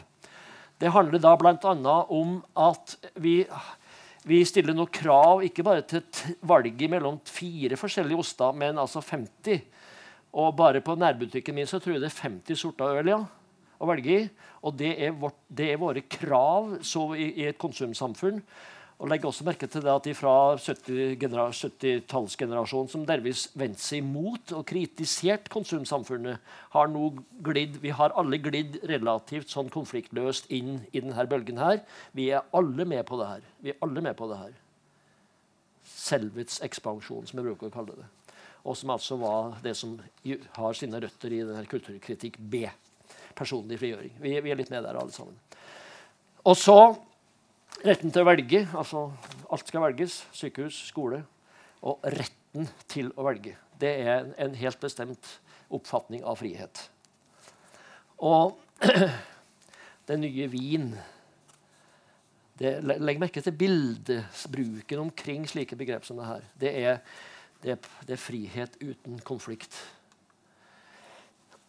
Så jeg gjentar. Det som skjedde, var altså at, at samfunnskritikken den politiske kritikken forstumma, og kulturkritikken allierte seg med markedet og ble til den nye kulturen som på mange måter er prega altså av en slags sånn letthet, som vi kaller for letthet. Og vi ble alle med. Det er ikke noe grunn til å være prektig og tro at noen står liksom utafor det der helt. Noen kan føle større ubehag ved den andre. Jeg kjenner flere i den salen her som er der. Men, eh, men Men, eh, men vi, vi, vi, er med. Og det førte da til at Milan Kundera skrev den boka med altså verdens beste boktittel. At det faktisk kan oppleves sånn. Og jeg innrømmer at jeg er der litt av og til. Ja da, Såpass ærlig må jeg være. Og så Neste kapittel i det her, det er det fleksible mennesket. For fleksibel skal en være. Og vi fikk altså disse nye begrepene. Altså nå handler det om Altså Nå beundrer vi alle gründere, og vi har Innovasjon Norge, og vi har ungt entreprenørskap og entreprenørskap i skolen osv. Så så sånn, altså, begrep og ord er viktig. Og så begynner vi å snakke om endringskapasitet. Altså det at en har endringskompetanse. Det betyr at du kan endre og det er omstilling osv. Og, så og de-skilling sender begrepet. Altså det betyr at det du har lært, det skal du kvitte det med fordi at det bare til heft altså i en dynamisk omstillingsprosess. Det er bare til heft. Slik også når det gjelder personlighet. Dagens arbeidsmarked verdsetter de som kan leve med usikre forventninger, uforutsigbare kontrakter, skjør identitet. Det er på en måte stikk motsatt av det jeg fikk innprenta i ungdommen. At du skulle gå, liksom, gå ut i, verden og bygge en stålsatt karakter. liksom. Ja, det var det. Eller det fenomenet her, som jeg da skal gå relativt raskt forbi, men som altså hører med til landskapet om fleksibilitet og omstilling. Altså forestilling om at du kan yte, gjøre et hvilket som helst arbeid når som helst, hvor som helst. Jeg sier ikke mer om det der. Derimot så syns jeg det her er et tankevekkende bilde. Det er altså Sigmund Baumann som har skrevet masse bøker. Med, har skrevet nesten siste ti år, så har skrevet 10-15 bøker om liquid et eller annet. Og her er liquid love. Kjærlighet skrevet i sand og skylt bort i løpet av natta. Altså skjørheten i relasjoner. Som hører med til det her omstillings- og, og fleksibilitetsbildet. ikke sant? At, at, alt er mulig, alt går an. Og så skolen, da. Vi må jo si litt om det. Her tar jeg med litt ifra 80-tallets romantiske bølge i pedagogikken. Her er det Haldor Skar, som vel var en av de første sånn sjølhjelpsguruer også, tror jeg, i Norge. Men her ser vi at den slår ned på skolen om de negative verdier om å være autoritetsbundet, krav, tvang, kunstige normer, påbud og regler, stopprammer. Fy, fy, fy, fy. Og så skal vi se at i tredje akt så har fortegnet skifta. Men her var det her fyord på 1980. Nei, altså honnørord. Nei, unnskyld. Det var fyord. Fyord, selvsagt. Fyord på 80-tallet, som altså i tredje akt blir til honnørord. Og da er vi framme ved, ved, dagen i dag. Men her var det her altså uh, autoritært. Altså anklagen om at det var at det var noe autoritært i det her. Det var det som lå bak. Det var det jeg mente som jeg sa tidligere, at det der autoritære traumet holdt sitt. sant? Og nå i det flytende moderne så er en så livende redd for alt som smaker av det. Og da får du slike uttrykk som det her. Og så På det pedagogiske planet så får du da det som i en eller annen forstand er et sånn ideal om selvforvaltning i skolen. Eh, konstruktivismen igjen, altså tanken om at barn fikser veldig mye sjøl, og at det, må, at det, kanskje er nok med litt tilrettelegging, så, så fikser barnet Nå setter jeg det veldig på spissen. Men det var noen ideer her som pekte i den retningen, og som gjorde at lærere ble usikre, trekket seg tilbake, følte seg overflødig og begynte å snakke, som jeg også har skrevet om sjøl. Det er derfor jeg er litt sånn stor i kjeften på det ansvar for egen læring. Det, det brukte jeg aldri som uttrykk, men, men iallfall så, så var ansvar veldig mye brukt. Og det er et kjempebegrep, men kan altså misforstås hvis det oppfattes som at at hvis det fører til at en på en måte overbelaster barn med forestilling om hva som er mulig, og hva de er i stand til å ta seg fram gjennom verden osv. Og så tar vi fanene. Her har det forandra seg. Her er det ikke mye oppad og lys og samhold, men her er det toleranse og trivsel. Vi jakter på mulighetene. Trivsel igjen, toleranse og Byåsen skole. Min egen. Dagen er din, dagen er bra, og du er den aller beste. Ja. Jeg, ikke, ikke noe, ikke, jeg, jeg, jeg raljerer ikke. Eh, men det, det, er bare interessant å se altså, hvordan ord brukes forskjellig, og hvordan idealer skifter. Og at det å være menneske på en måte da er forskjellig fra tid til tid. Og Det er det jeg prøver å få fram, i motsetning da, til Sigrid Undset. At menneskets hjerter forandres intet. Jeg tror det gjør det. Så er vi framme ved en slags sånn eh, fasit eller oppsummering for hele, hele, perioden, altså flytende modernitet, akt nummer to. Og da skjønner de kanskje at sett litt sånn uh, ovenfra og kritisk, så kom det her til å bli en slags lågkonjunktur for forestillinga om altså, det normative i betydning For verden begynte å flyte, altså. Og en ble litt i tvil om alle ting. ikke sant? Om godt og galt og sant og feil osv. Og, så og dermed så, så, var det mange ting som brøt sammen av de forutsetningene for, for en så, sånn opp, begrep som oppdragelse og danning. fordi at oppdragelse og danning, dannelse, krever en viss, en viss overbevisning. ikke sant? Og det er vi inne på det her tveegga sverdet. I det faste moderne var det vel mye av det. Og i det flytende moderne var det kanskje vel lite av det. Så enkelt er det kanskje. For nå skjedde nemlig det at autoritetene brøt sammen, og en kasta da på en måte selve begrepet ut med, med badevannet. Liksom. En var så engstelig for begrepet at, og fenomenet. Og det skulle ikke mye til før en ble anklaga for å være autoritær. Det, det, er en veldig klar sånn stempling av det å ta opp den typen spørsmål, som da gjorde at eh, Og det der har jeg følt en del på sjøl, for jeg var veldig opptatt av det begrepet. Og så Det neste som jeg trekker fram, er det som er da kalt for selvets ekspansjon. Det som starta opp med at det er viktig at unge har sjøltillit. Det skulle da bare mangle. Men så fikk vi altså sjølrealisering. Så fikk vi sjølkonstruksjon. Og så har det på en måte glidd mer og mer over i en oppfatning av oss sjøl altså som har noe element av sjølopptatthet i seg, som er et slags kulturtrekk som vi anklager oss alle for. Det er det som er poenget. Og det, det er selvets ekspansjon, som, må, som, er en viktig faktor for å forstå verden av i dag. Altså. Og frihetens forvandling ifra det som egentlig var frihet fra nød og frihet fra undertrykkelse og frihet til menings, uh, frihet fra meningstvang osv., ble til frihet til alle mulige ting av muligheter, valg, og endt opp med å bli forestillinga om at frihet handler mest om krav og rettigheter. Og det er en annen type frihet enn det det opprinnelig var, som liksom humanistisk arv. da.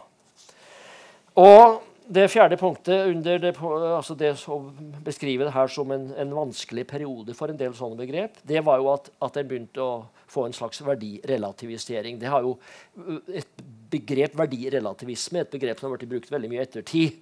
Eh, som kritikk av, av, perioden, og særlig liksom det postmoderne. Men det, det, er noe der. ikke sant? Tilsvarende som at en ikke kunne ta opp autoritet uten å bli anklaga for å være autoritær, kunne en heller ikke ta opp begrepet moral uten å bli kalt for moralist. Det er tilsvarende på en måte uh, anklager knytta til det kulturbildet her. Og så har enheten begynt å gå i oppløsning. altså Sjøl fenomenet enhetsskole ikke sant? kan jo under visse politiske konjunkturer være sårbar. Og nasjonen, selvsagt, som som er noe annet er nå enn, enn det var tidligere. Og til slutt altså det at markedet på en måte har tatt over så mye. Til sammen så er det her kulturtrekk som gjorde i den perioden her, og den er jo egentlig ikke slutt, bare så det er sagt. Men det har gjort altså sånne begrep som oppdragelse og dannelse vanskelig. Fordi at det krever på en måte noe annet språk og noe annet Eh, tyngde og overbevisning om en del ting som er vanskelig i det kulturbildet. Og det her, det er et stort dilemma. Det er et stort dilemma. Og det, det, er ikke sånn at jeg uten videre går ut og liksom tar Jeg sier bare at det har to sider ved seg. Og vi har sett på en måte karikaturen av, av det fastheten, og, og, nå har vi delvis sett også problemer ved det flytende. Slik at uh, til sammen så, så, er det her altså noe problem knytta til og utvekstene er da også sånn i samsvar med det, nemlig at tvilen Vi ble i tvil. ikke sant? Vi ble i tvil, vi fikk anfektelser om så mange ting. Og det kun i en del sammenhenger blir til likegyldighet. Eller som Ole Paus sier, når alt blir likegyldig, så blir vi likegyldige. Det er veldig godt sagt. Og all denne frihet som de nå har fått med dere, at jeg anklager da den utviklinga for å ha gått fra en versjon av frihet og over til noe annet som nærmer seg en slags sånn egoisme. altså. Og all denne fleksibilitet som både i arbeidsliv og ellers fører til en slags utmattelse. Altså, jeg snakker om altså, Det er mange varianter over utbrenthet. Og, og, og, så det er, noen, det er noen kostnader hele tida i det her. Det er det som er hele poenget. Alt har sin pris. Det gjaldt også for, for faste moderne. Og nå ser vi en annen type kostnader. Og ulikhetsidealet, altså bare det, ikke bare det at det er ålreit med ulikhet, men at det så å si dyrkes, som av og til kan altså bli til i så stor grad den enkeltes muligheter og rettigheter at det kan bli på en måte til den sterkestes rett. Den sterkestes rett. Klarer det den, klar det den som vil, altså. Så det her er det som vi kaller for utveksler det, alt det her til sammen førte jo da også etter hvert til en reaksjon. Og La oss si at vi nå nærmer oss tusenårsskiftet uten at det er til å uh, fastsette så tydelig. Men, men, det har skjedd ting i løpet av de siste par 20 åra som jeg kaller for reaksjonen imot en del trekk ved det, ved det flytende moderne. Det har, skjedd, det har skjedd nå. Og det, er, det har skjedd altså en slitasje, jeg det for en slags slitasje under det strukturløse at det er ingen holdepunkter lenger, og alt flyter. Og, og, det er en slags trøtthet under tvilen, og det er en kritikk av relativismen. Det må jo være noe som er rett her i verden, osv. Eh, oppgjør med snillismen, ikke minst i skolen. som har, Det var forresten Rune Gerhardsen som først brukte begrepet.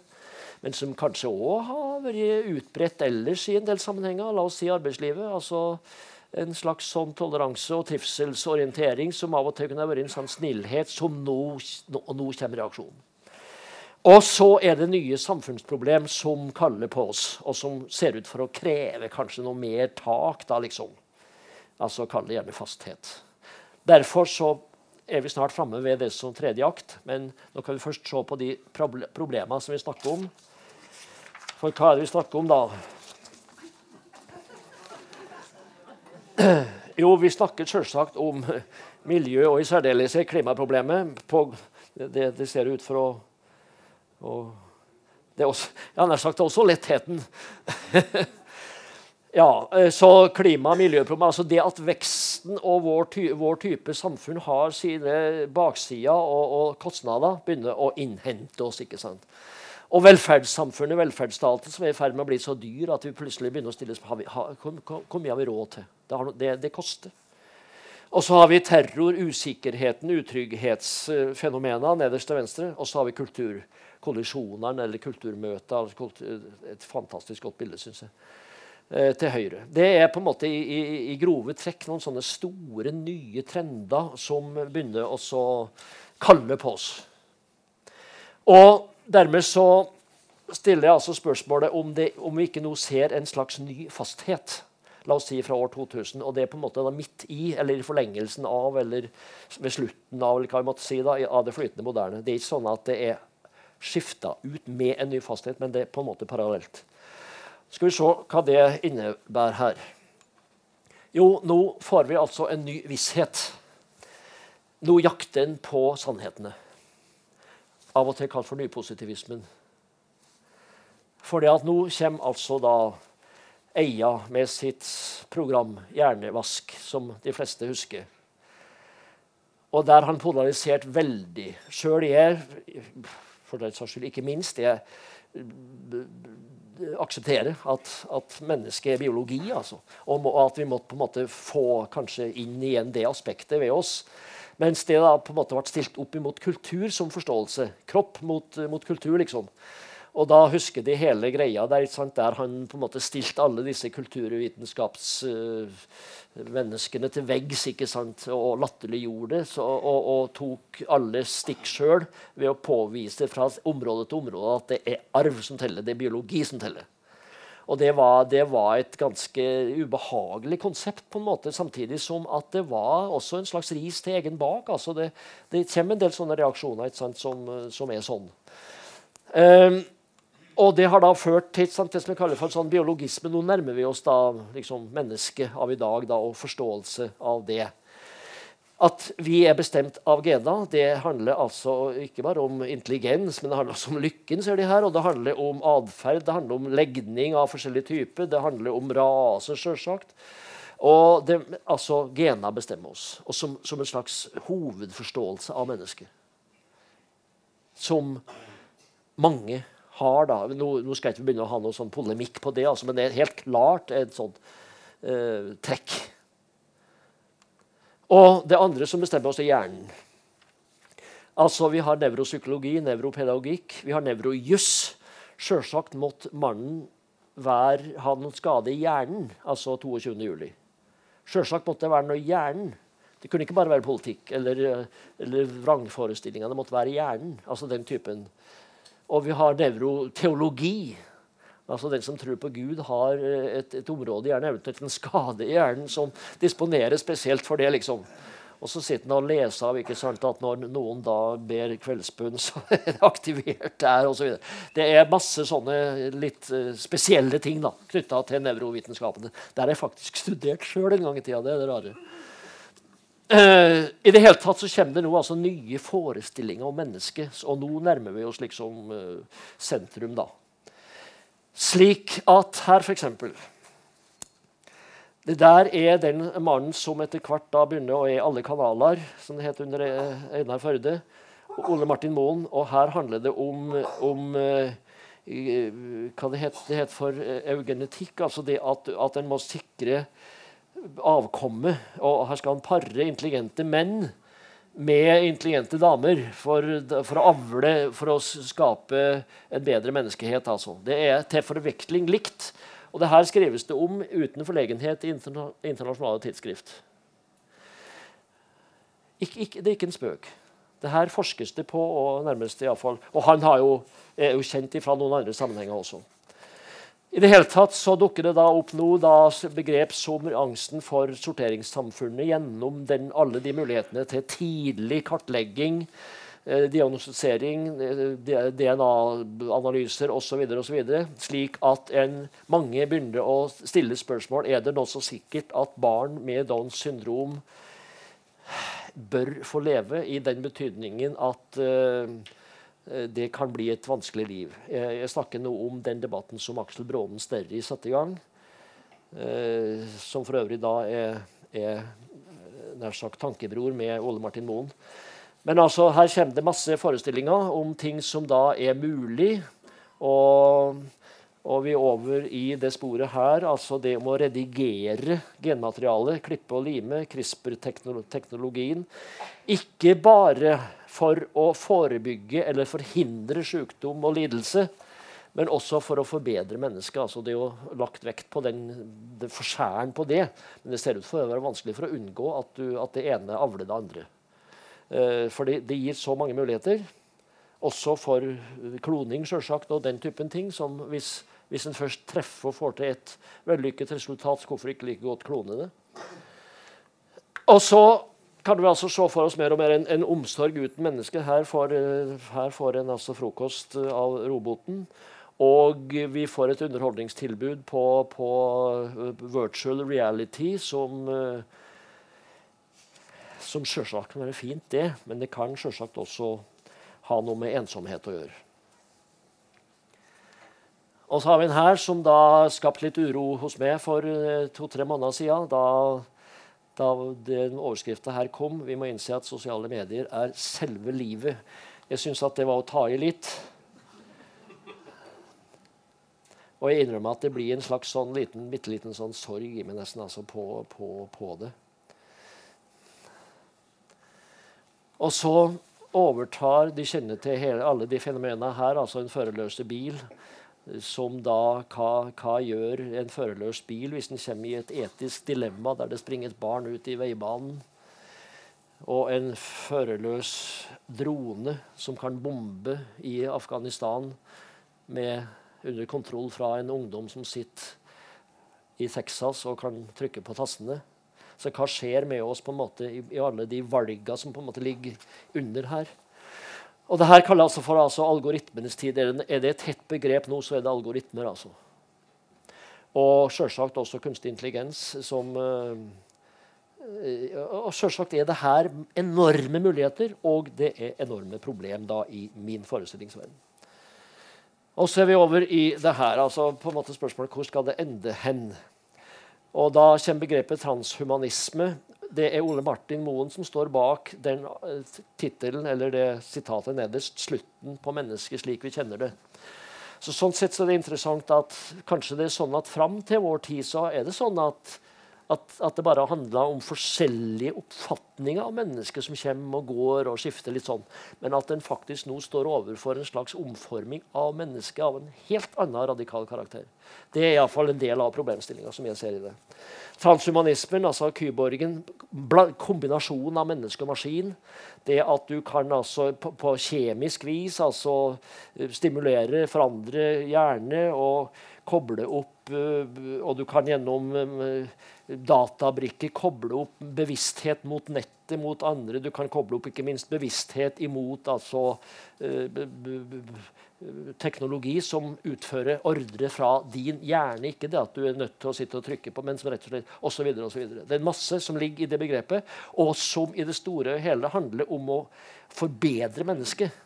Det er det som er prosjektet. Det er det å gjøre mennesket mer ja, ja, dyktig, effektivt, friskt, sunt osv.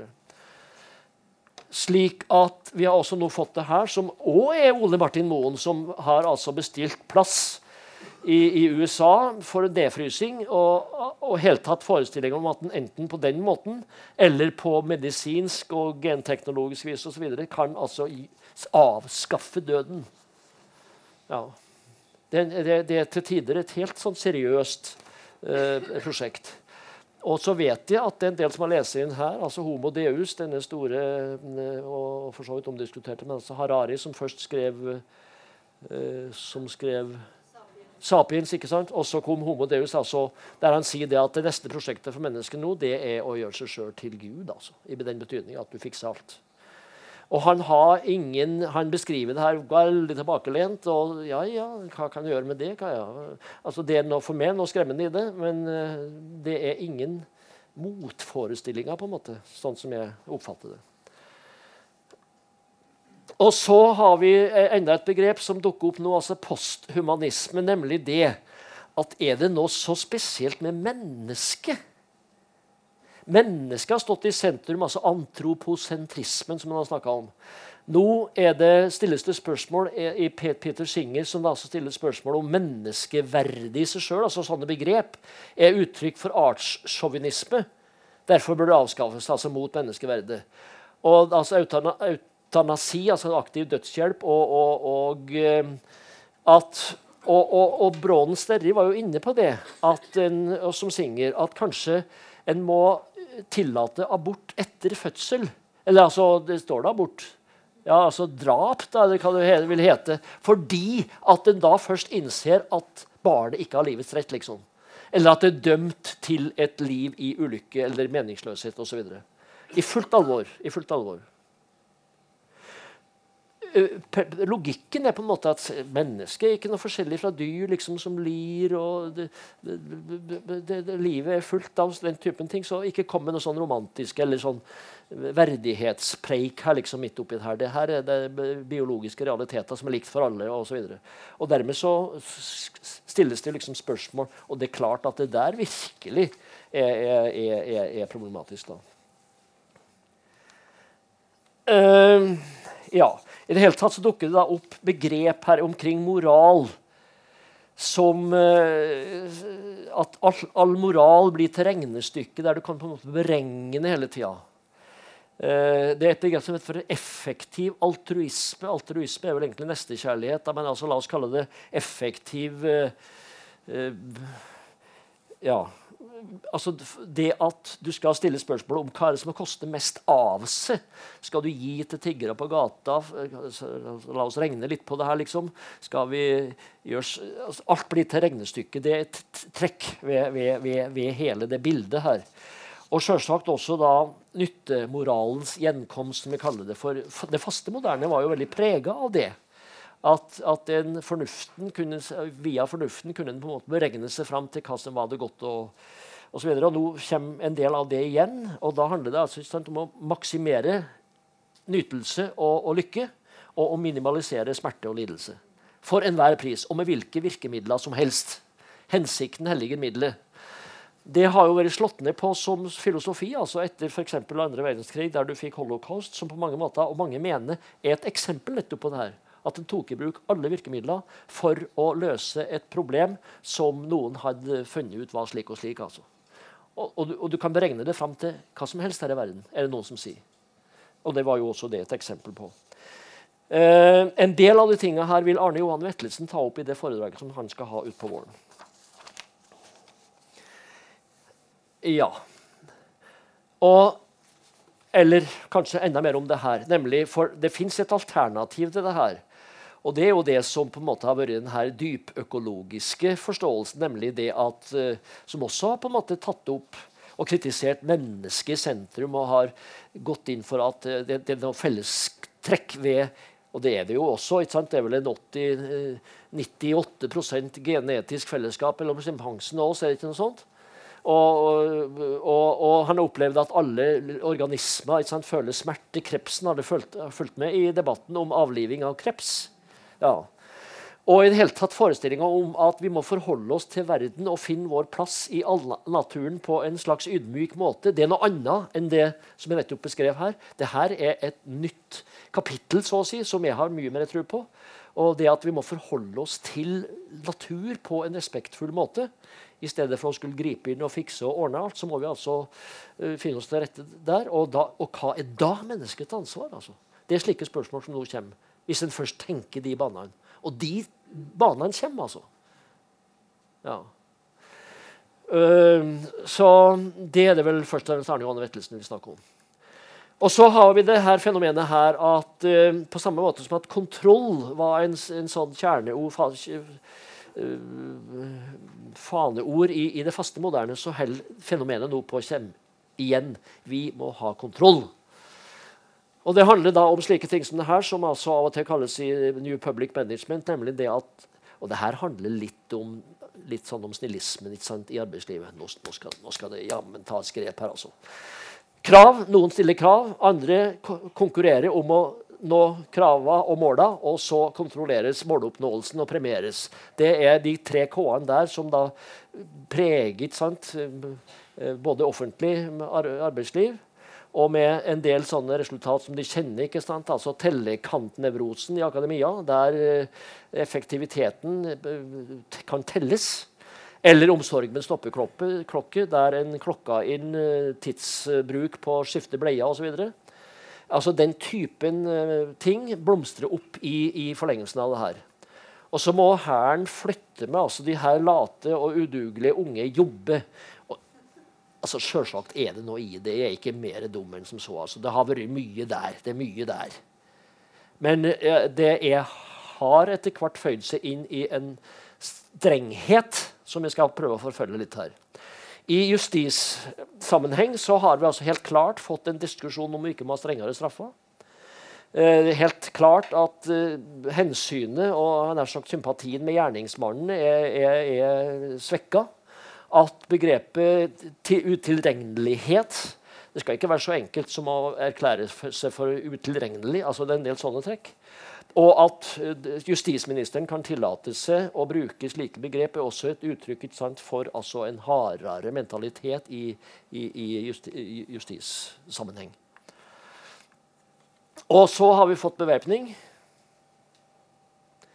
Så har vi fått oppsyn med fremmede som til, til forveksling likt bildet fra 1951, nå i farga.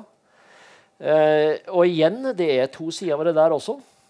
Det er absolutt det.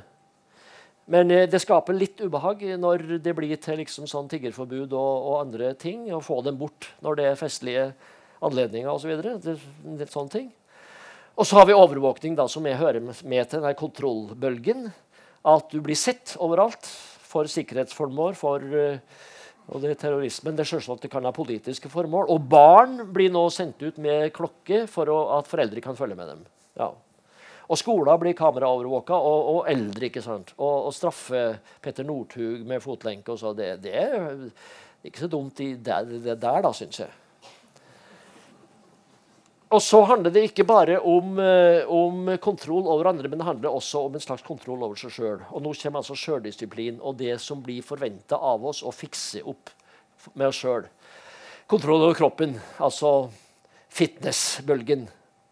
Og fitness som eget fag. Typisk skolen. Skolen må ta tak her. Fitness og, og, helse, fitness, fitness, fitness. Og nåde den som ikke faller inn i det bildet. Der det er åpenbart at det her skaper et slags utenforskap ikke sant? og avvik som, som, som en helt ny, nytt fenomen. Og så skal jeg ha kontroll over sinnet, altså mindfulness, som også har mye bra ved sitt. Altså det gamle filosofi ikke sant? om å prøve å få orden på sitt eget sinn og tanker osv.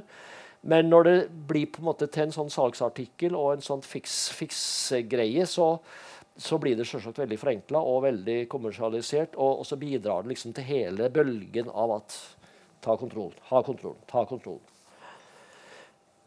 Så kommer det et nytt eh, aspekt her, nemlig at på samme måte som at i, det var enhet som gjaldt i det faste moderne, så begynner det nå å røre på seg igjen, den tanken i den forstand at f.eks. For filosofen Gunnar Skirbekk da problematiserer det multikulturelle, altså vansken med å holde sammen, finne et lim i det multikulturelle samfunn.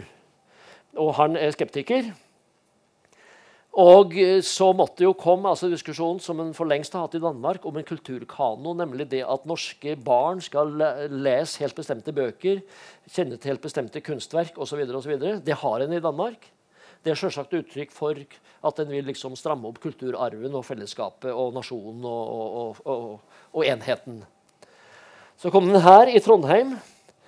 Altså det at det er ikke nok bare å følge loven. Noen, noen sier det, ikke sant? Er du statsborger og følger loven, ja, da er du god nok nordmann. liksom. Men du må følge norske verdier. Da er vi over i et annet landskap. Og dermed så kommer det spørsmålet om det noen sånn egen norskhet som uh, som alle må underordne seg. Jeg strekker meg helt klart, ikke bare strekker meg, men jeg ser at det trengs en debatt om hva det er som skal på en måte binde oss sammen i et multikulturelt samfunn. Det, det ser jeg helt klart. Men jeg ser det, på det med andre briller enn en det her. For det går an. Tilstrapping i skolen. De kjenner historien. Vi fikk altså PISA-undersøkelser som påviste altså all denne bråk og uro i skolen, og at vi ikke presterte på den høyde med land som det er naturlig å sammenligne seg med. Så utvikla det her seg til altså en sånn målstyring og krav og delmål og synliggjøring av mål i skolen at her ble det påvist at i løpet av ti år i Oslo-skolen så var det 2770 mål. Så det her har tatt helt av. Og, og altså kontrollbyråkratiet, som nå selvsagt folk begynner virkelig å bli slitne av, og så begynner Utdanningsforbundet Ja, ikke sant? Ja. Altså, Det gjelder jo på mange områder. her, ikke sant? De skolen ikke alene. Det gjelder helsevesenet. En får ikke tid til noe annet enn en, en, en å lage planer og, og, og vurdere og rapportere. ikke sant? Og, og sjekke og teste. Så det her er noe greier. Men det hører med til kontrollstrømninga. altså. Og så har det da skifta fortegn. Det som da var fyord under Haldor Skar, er nå honnørord. Lærerne skjerper disiplin. Mer disiplin. Starta på med håndhelse før timen. Det er Margrethe Munthe på nytt. Jeg, jeg raljerer ikke. Syns det kan være hyggelig, det. Men, men det, er bare, det, er bare, et bilde på hva som skjer. Og så refse altså Solhjell ansvar for egen læring, som jo var et ganske hett begrep langt over på venstresida og pedagogisk riktig tenkning. Nå kan en stå fram og si at nei, det, det heller ikke. Nå, nå refses det. Nå har fortegnet skifta. Og det er slutt på mykheten. Det er slutt på en myk skolestart. For, for her trenger jo nedover. ikke sant? Og nå begynner en å teste barn i barnehagen. Så mentaliteten sprer om seg. Um, ja. Ja, Da hopper jeg rett og slett over det. Nå skal vi, vi nærme oss faktisk slutten, og så skal vi håpe at jeg har ork til å ha en bitte liten sånn samtale etterpå. Det er noen som sikkert vil protestere litt her. For nå er det på tide å spørre hva er det som er fruktene av denne nye fastheten? All denne iveren etter å stramme inn og kontrollere og fikse ting og, og ta fastere grep på masse områder. Hva er fruktene? Jo, i skolen så har altså det underet skjedd at norske skolebarn er kanskje litt overdrevet. Det varierer litt med fag og forskjellige ting, men altså mye flinkere enn før. Flinkere enn før. Mindre uro, mindre opprør og mer målrettet. Og mye mer press. Det er atskillig færre som sover seg gjennom ungdomsskolen, sier ungdomsforsker Anders Bakken. Og så kommer det nederste, altså sosiologen, hva het han, som altså stilte spørsmålet er vi, er, Snakker vi om en generasjon lydig? Noen kaller det det var Åkvåg. Gunnar Åkvåg. Nettopp. Uh, uh, og det er mye å si om det der. Generasjon prestasjon.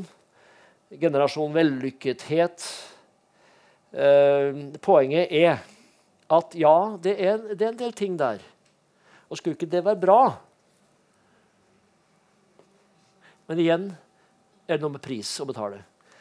Og prisen er da f.eks. det da, at vi har fått et så sterkt resultatpress og prestasjonstrykk knytta til oss alle sammen, men kanskje oppleves mest tror jeg, i, i, i skole- og ungdomsperioden. Og vi har altså fått et, et, et, stort frafall.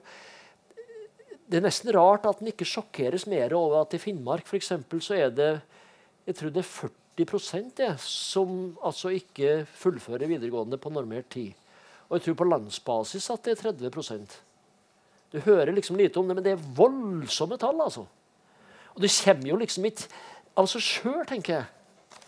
Og Det samme gjelder arbeidslivet, altså, der det varierer litt. Men, men altså, du ser jo trøkket på en måte på arbeidstakere som altså i retning sykdom, uh, uh, uføretrygd, førtidspensjon osv. Mange mekanismer i det her som gjør at betegnelsen to tredjedelssamfunnet ikke er helt Det er relativt dekkende. En tredjedel som mottar ytelser, og to tredjedeler som må skape eh, verdiene, som det heter i visse kretser. Men eh, det er også åpenbart for meg da, at det her avler mye av utenforskap, altså som det heter. Avvik, utenforskap. Og som noen kaller det, eller omtaler det som, altså at det kan bli et løpende underskudd på anerkjennelse. Og, hva det betyr for ungdom.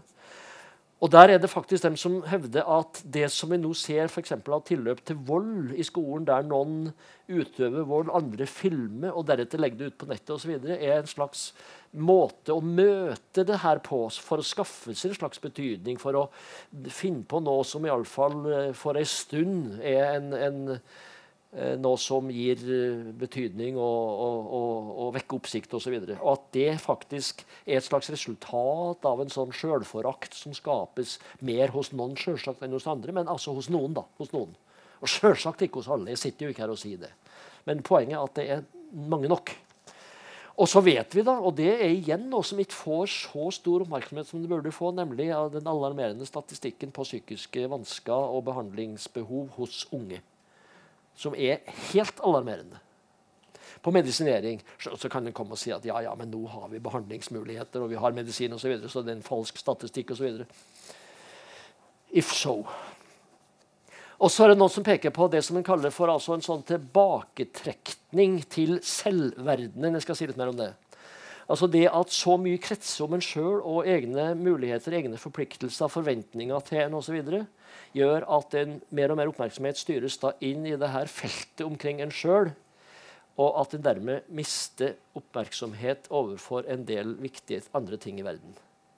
Det jeg fikk dansken Rasmus Wildig til å skrive ei bok med den strålende tittelen 'Kritikkens uvending', der det på 70-tallet var sånn at en vendte all sin aggresjon og kritikk og misnøye mot foreldre, mot det bestående samfunn osv.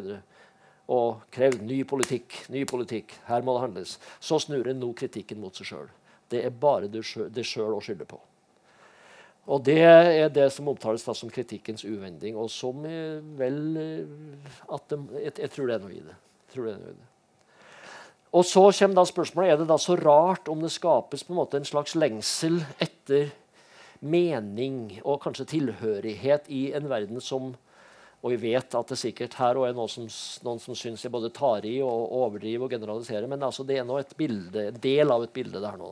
Er det da så rart om noen på en måte søker mening på andre vis hvis en ikke finner det på en måte i, i mainstream? Kan det f.eks. være slik at Sånn. Hva har jeg gjort nå, da? Nei. Hum. Hvor er vertskapet? Jeg tror du må komme hit. Ja. Bildet kom bort.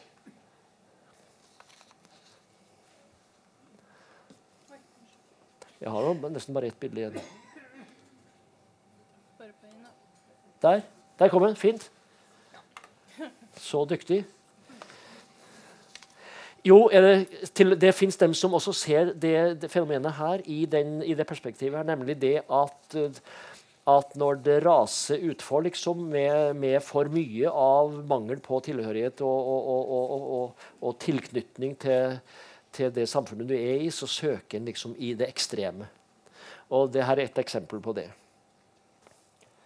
Um, ja.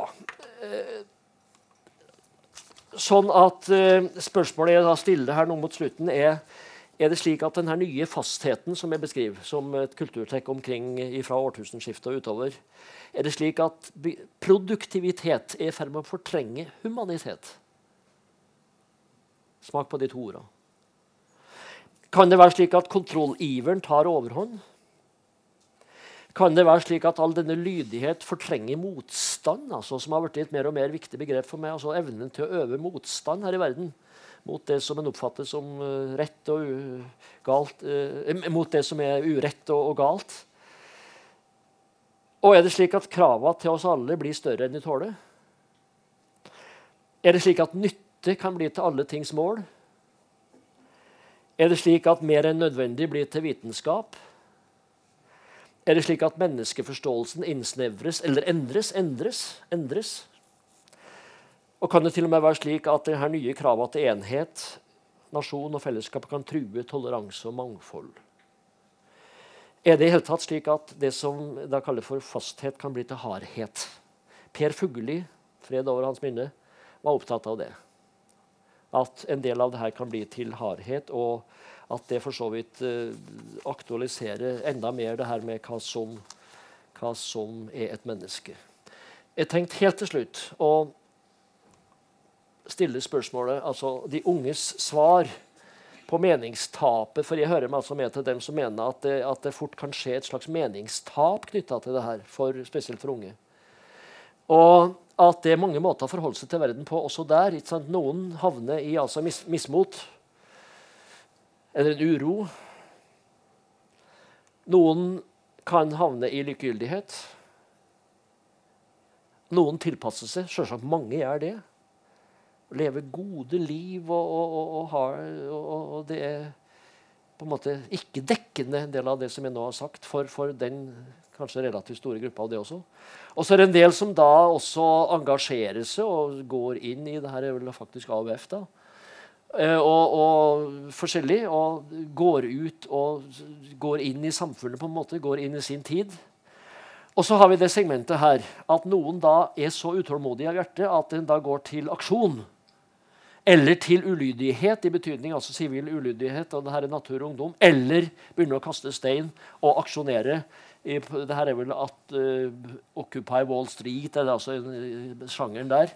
Altså at en blir så uh, desperat i, i, i, forhold til sin tid at en går ut og griper til slike virkemidler.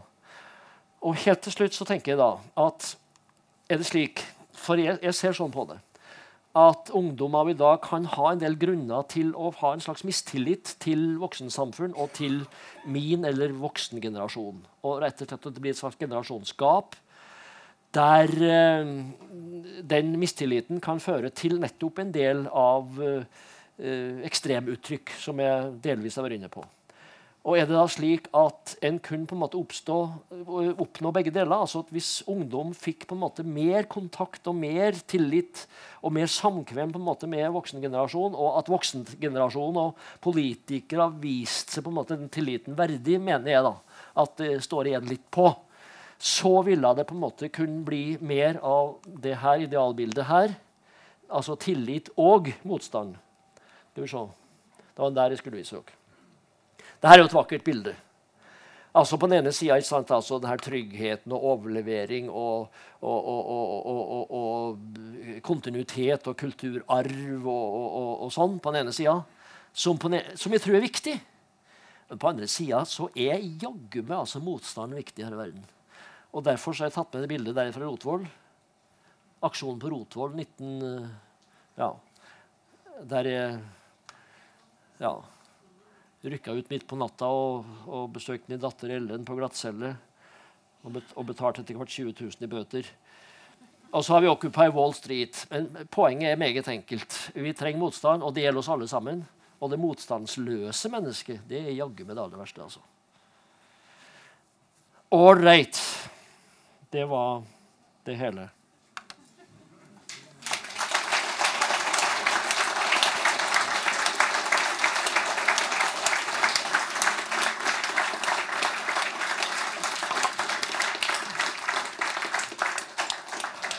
Takk og takk.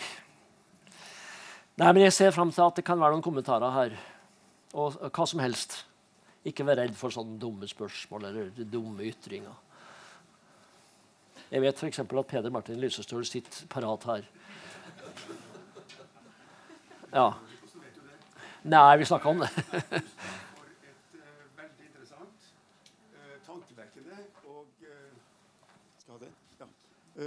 Tankevekkende og uh, i og for seg inspirerende uh, foredrag med flotte bilder. Jeg har et par spørsmål eller motforestillinger. Uh, den store tenkeren Karl Marx sier at historia er historie om klassekamp. Klassekamp fins ikke i ditt store historiske bilde. Stort sett så ser vi vanlige folk. Alle bildene er det vanlige folk sitt liv vi ser presentert. Vanlige klasserom, vanlige folk i, i livet. Eh, mens i virkeligheten så har jo livet vært veldig forskjellig fra de to klassene. Helt frem til siste verdenskrig så kjente faktisk ikke arbeiderklassen borgerskapet. Og borgerskapet kjente ikke arbeiderklassen. Altså Det var to verdener. Det, mister du, det perspektivet mister du litt. Og jeg vil si at jeg forstår altså din idé om det, om det faste og flytende. Men jeg vil si at tida fra 1920 til 1940 eller 45 var desidert ikke fast. I 1920 sto Norge foran en sosialistisk revolusjon. Det er ikke så veldig godt kjent, men eh, Arbeiderpartiet forventa sosialistisk revolusjon i 1920-21. Eh, det var politisk enorme spenninger i Norge. Eh, og det gikk over i en periode med, hvor fascismen vokste kraftig med store spenninger. slik at Det ble veldig flytende. Men jeg kjøper, jeg kjøper ideen din om det faste fra 45. En lang, fast periode. Eh, men fortsatt har vi altså hatt klasse. Spørsmålet mitt er hvordan ser du klassespørsmålet opp i historia di? Takk. Ja, for det første altså, I hodet mitt så er på en måte sosialisme, sosialdemokratiet, på en måte nettopp snytt ut av, av det faste moderne og et uttrykk for det. og og, og, og, og, prøvde å si for så vidt også at den perioden med store klasseforskjeller skapt på en måte denne fastheten i politikken, altså med ønske og aksept av en sterk stat osv. Det er det ene. Men det andre som jeg tenker på, er at i dag, senest eh, og ganske nylig, så var det sagt her fra Sverige at eh, jeg, jeg mener, husker det sånn at det var påpekt at jo, det er store klasseforskjeller fremdeles i Sverige. Og det ble liksom imøtegått litt i, fra noe norsk hold. Altså med andre ord, i Det hele tatt, er, er, det har vært hevda at klasseforskjeller liksom er borte i dag. Sjølsagt er det ikke det. Det kan jeg berolige veldig med at jeg er enig i. Eh, men eh, jeg mener jo at det har endra karakter. Og, og, sånn sett så er det også interessant med både jeg har sånn sagt, både, både Trump oppi det her, og for den saks skyld, for den som kjenner Jonas Bals Altså den tanken om at, eh, at i dag og, og Trump skåra jo poeng og fikk velgere sant, på det å, få, å, skaffe arbeid for uh, og framgang på og vekst for den amerikanske arbeiderklassen i betydning dem som har mista jobben osv. Av den hvite, hvite arbeiderklassen i USA osv. Litt av det samme kan du si i Norge. at den, Fra en del hold så er det klart at det, det som er klasseperspektivet. Et annet klasseperspektiv som jeg tror og nesten i fall er likeverdig med det i dag, er dem som på en måte faller totalt utafor. Hvis de kjenner den, Hva heter den boka? da? Det heter for prekariatet. Prekariatet. Det er dem som faller utafor alt. Som ikke er i nærheten av å få arbeid i det hele tatt. For altså, En del snakker på vegne av dem som har mulighet til å få arbeid, men som har mista det på en eller annen måte. Og den urimelighet og den, det, det klasseproblemet som ligger i det. Mens altså i dag er det flere og det prøvde jeg å sette ord på, det er flere og flere som altså faller utafor på andre vis.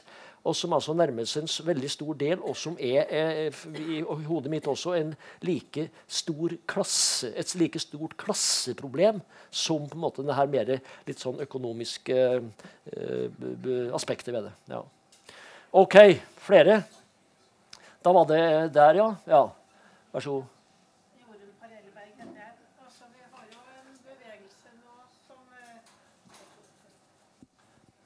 Vi har en bevegelse nå som heter metoo. Og den har jo kommet, tror jeg, da, fordi at det er flere kvinner i ledende stillinger, eh, både politisk og i arbeidslivet. Altså, jeg kan ikke tenke meg den bevegelsen for 10-20 år siden, for å si det sånn. da. Eh, og du kan også tro at sånn matriarkatet er på vei inn. Da eh, Da vil det jo på en måte bli en helt annen historie, nær sagt, for å si det sånn. Eh, har du noen tanker om dette? Hem, hem, hem.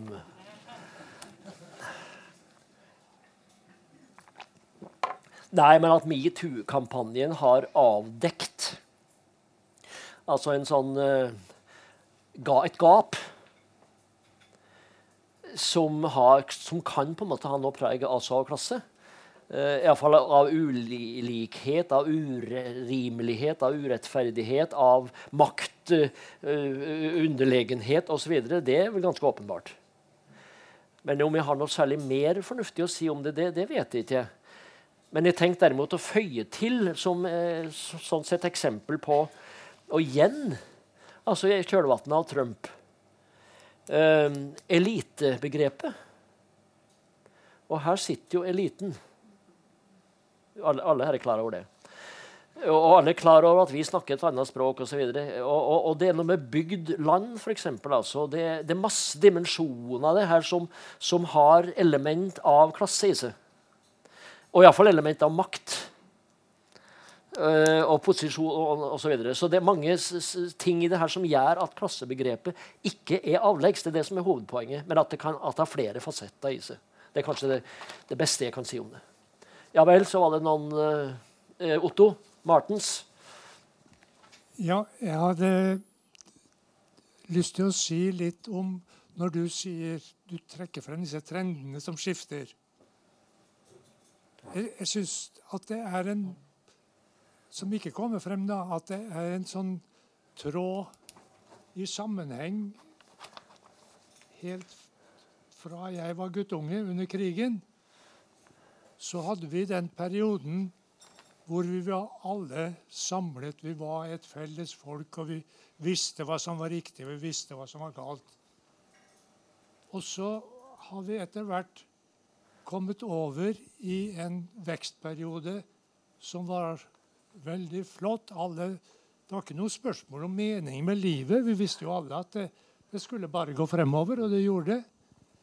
Og det har du beskrevet. Men så kommer tiden da omkring 70, som du sier. Og da er det Hvem er det nå som er autoriteter? Og det mener jeg å oppdage fra jeg var ganske guttunge, da. At det er de med makt som bestemmer. Og etter krigen så var det USA som hadde makt. Og vi trodde jo på at de kom med friheten, og de kom med alt som var bra, med demokrati og alt sammen. Og vi det, trodde det her var bra inntil mekartismen, hvor vi skjønte at den var på ville veier. Og så har vi etter hvert oppdaget at det som er autoritet nå, det er det som heter elite. Og eliten nå, det er de med penger, det. Det er de pengesterke som er eliten, og som har autoritet, og som bestemmer. Og de har bestemt at produktivitet, produktivitet, produktivitet For uten produktivitet så får vi ingen avkastning, og da, da er det ikke sånn som vi vil ha det. For vi må ha avkastning. Og det der har vi bitt på. Og da er de bare overtatt en annen autoritet. Når jeg vokste opp, så hadde fremdeles kirke autoritet. Alle var jo ikke i tvil om det. Nå er den borte. Så hadde Gerhardsen autoritet. Klart han hadde det. Men nå er det litt diffust. Hvem er det som har autoritet? Det er de som leder oss bak lyset. Mm. Ja, interessant. Uh, du brukte jo begrepet kanskje litt annerledes enn det jeg skulle til å, å, å bruke, og for dermed også kritisere et begrep. da. For jeg er selvsagt helt enig i det at det er, eh, at det er kapitalen som på mange måter innebærer makta på en måte i, i, i dag. Men elitebegrepet blir jo Og det var der at Trump på en måte gjorde et slags mestergrep. At han kun, han begynte å snakke og kritisere elitene, som da var de akademiske elitene, som var eliter knytta til statsapparat og sånn. Han brukte ikke elitebegrepet om seg sjøl, altså om den pengeeliten. Og Det syntes jo jeg er ganske merkelig bruk av begrepet, eh, fordi det er jo selvsagt makt vi snakker om. Og at det er makt knytta til kapital, det vet vi da, guri malla. Men vi vet også da selvsagt at det er makt knytta til kjønn, det er makt knytta til utdanning, til posisjoner og til mange ting. Og der er det på en måte en slags fellesnevner. Og jeg kjenner nok litt på det av og til. Og Det gjelder også egen, egen sånn uh, akademiske liksom, uh, posisjon i en annen forstand. Da. At jeg, jeg, tror ikke vi ser bestandig liksom, hva, hva hvordan det jeg var, og Som en mann fra bygda så skal du ikke så fryktelig langt ut her nær sagt, til Norge før du merker noen sånne gap. Og da kjenner jeg meg på en måte litt sånn pinlig berørt, og jeg kjenner at jeg har en slags, en slags, rolle som jeg helst ikke ønsker å ha, men som jeg blir tillagt osv. Masse sånne ting som grenser inn imot altså klasse, eller iallfall forskjeller osv. Ja vel. Elisabeth. Ja. Å ja. Ja, jeg slutter meg til Peder Martin når han uh, takket for foredraget. Jeg synes Det var veldig interessant. jeg også. Du sa at jeg hadde hørt det før, det men det var ikke det samme. Det var ikke det. Nei, det var ikke helt det samme. Så det var veldig interessant i, i kveld også. Men det, sånn på slutten her så satt jeg og kjente på at jeg savna et ord. Og det var ordet solidaritet. Hva skjedde med solidariteten som vi har hørt om eksisterte under krigen og i første årene etter krigen, under gjenoppbyggingen og alt det der? Så, så, tenker jeg Det har selvfølgelig noe å gjøre med den her stadige fokus på, på individ og individ og individ. Jeg skjønner det, Men hva, hvor, hvordan kunne det bli sånn at den individuelle greia kom foran liksom, solidariteten og fellesskapet. For jeg føler at det er veldig mye der at det ligger eh, som en årsak til veldig mange av de problemene du har lista opp. da. At vi, vi bryr oss ikke om hverandre lenger. Takk. Nei, men Det er jo egentlig det jeg prøver å si. Altså Selvets ekspansjon. Altså sol Når solidaritet ikke brukes så mye i dag, så er det rett og slett fordi vi er redd for å bruke det fordi at vi kanskje ikke har en så sterk bevissthet omkring det. Og det skyldes nettopp selvets ekspansjon, altså, som har tatt oss alle sammen. Vi har mer enn nok med oss sjøl. Ja, men nå var det en bak der først.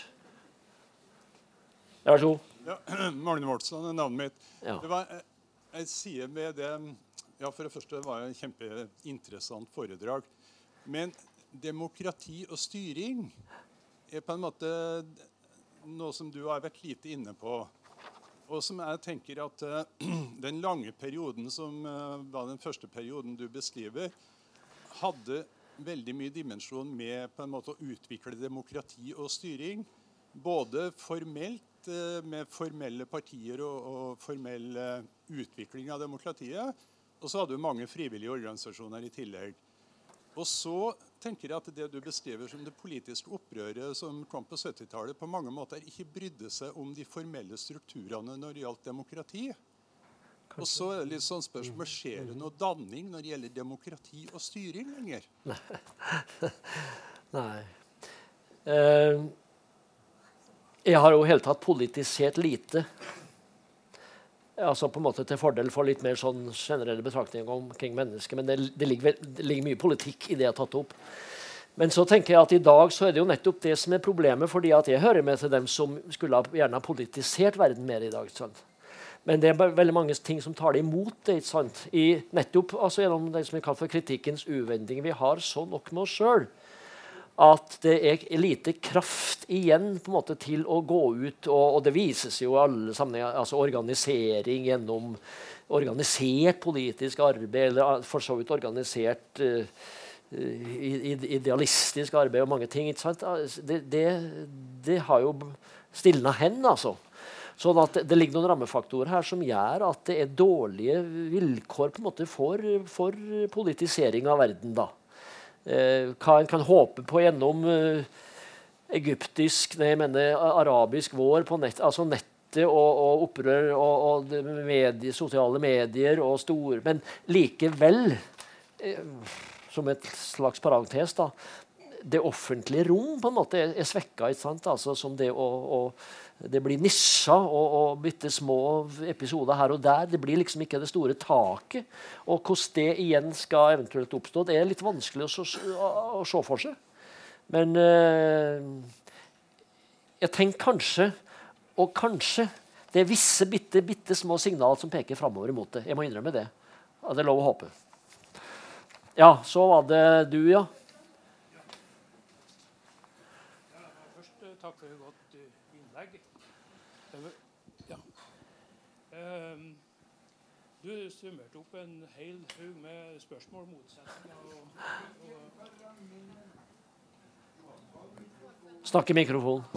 Der, ja. Kanskje. Hører du? Ja, det summerte opp mye til slutt. Står den på? Nei.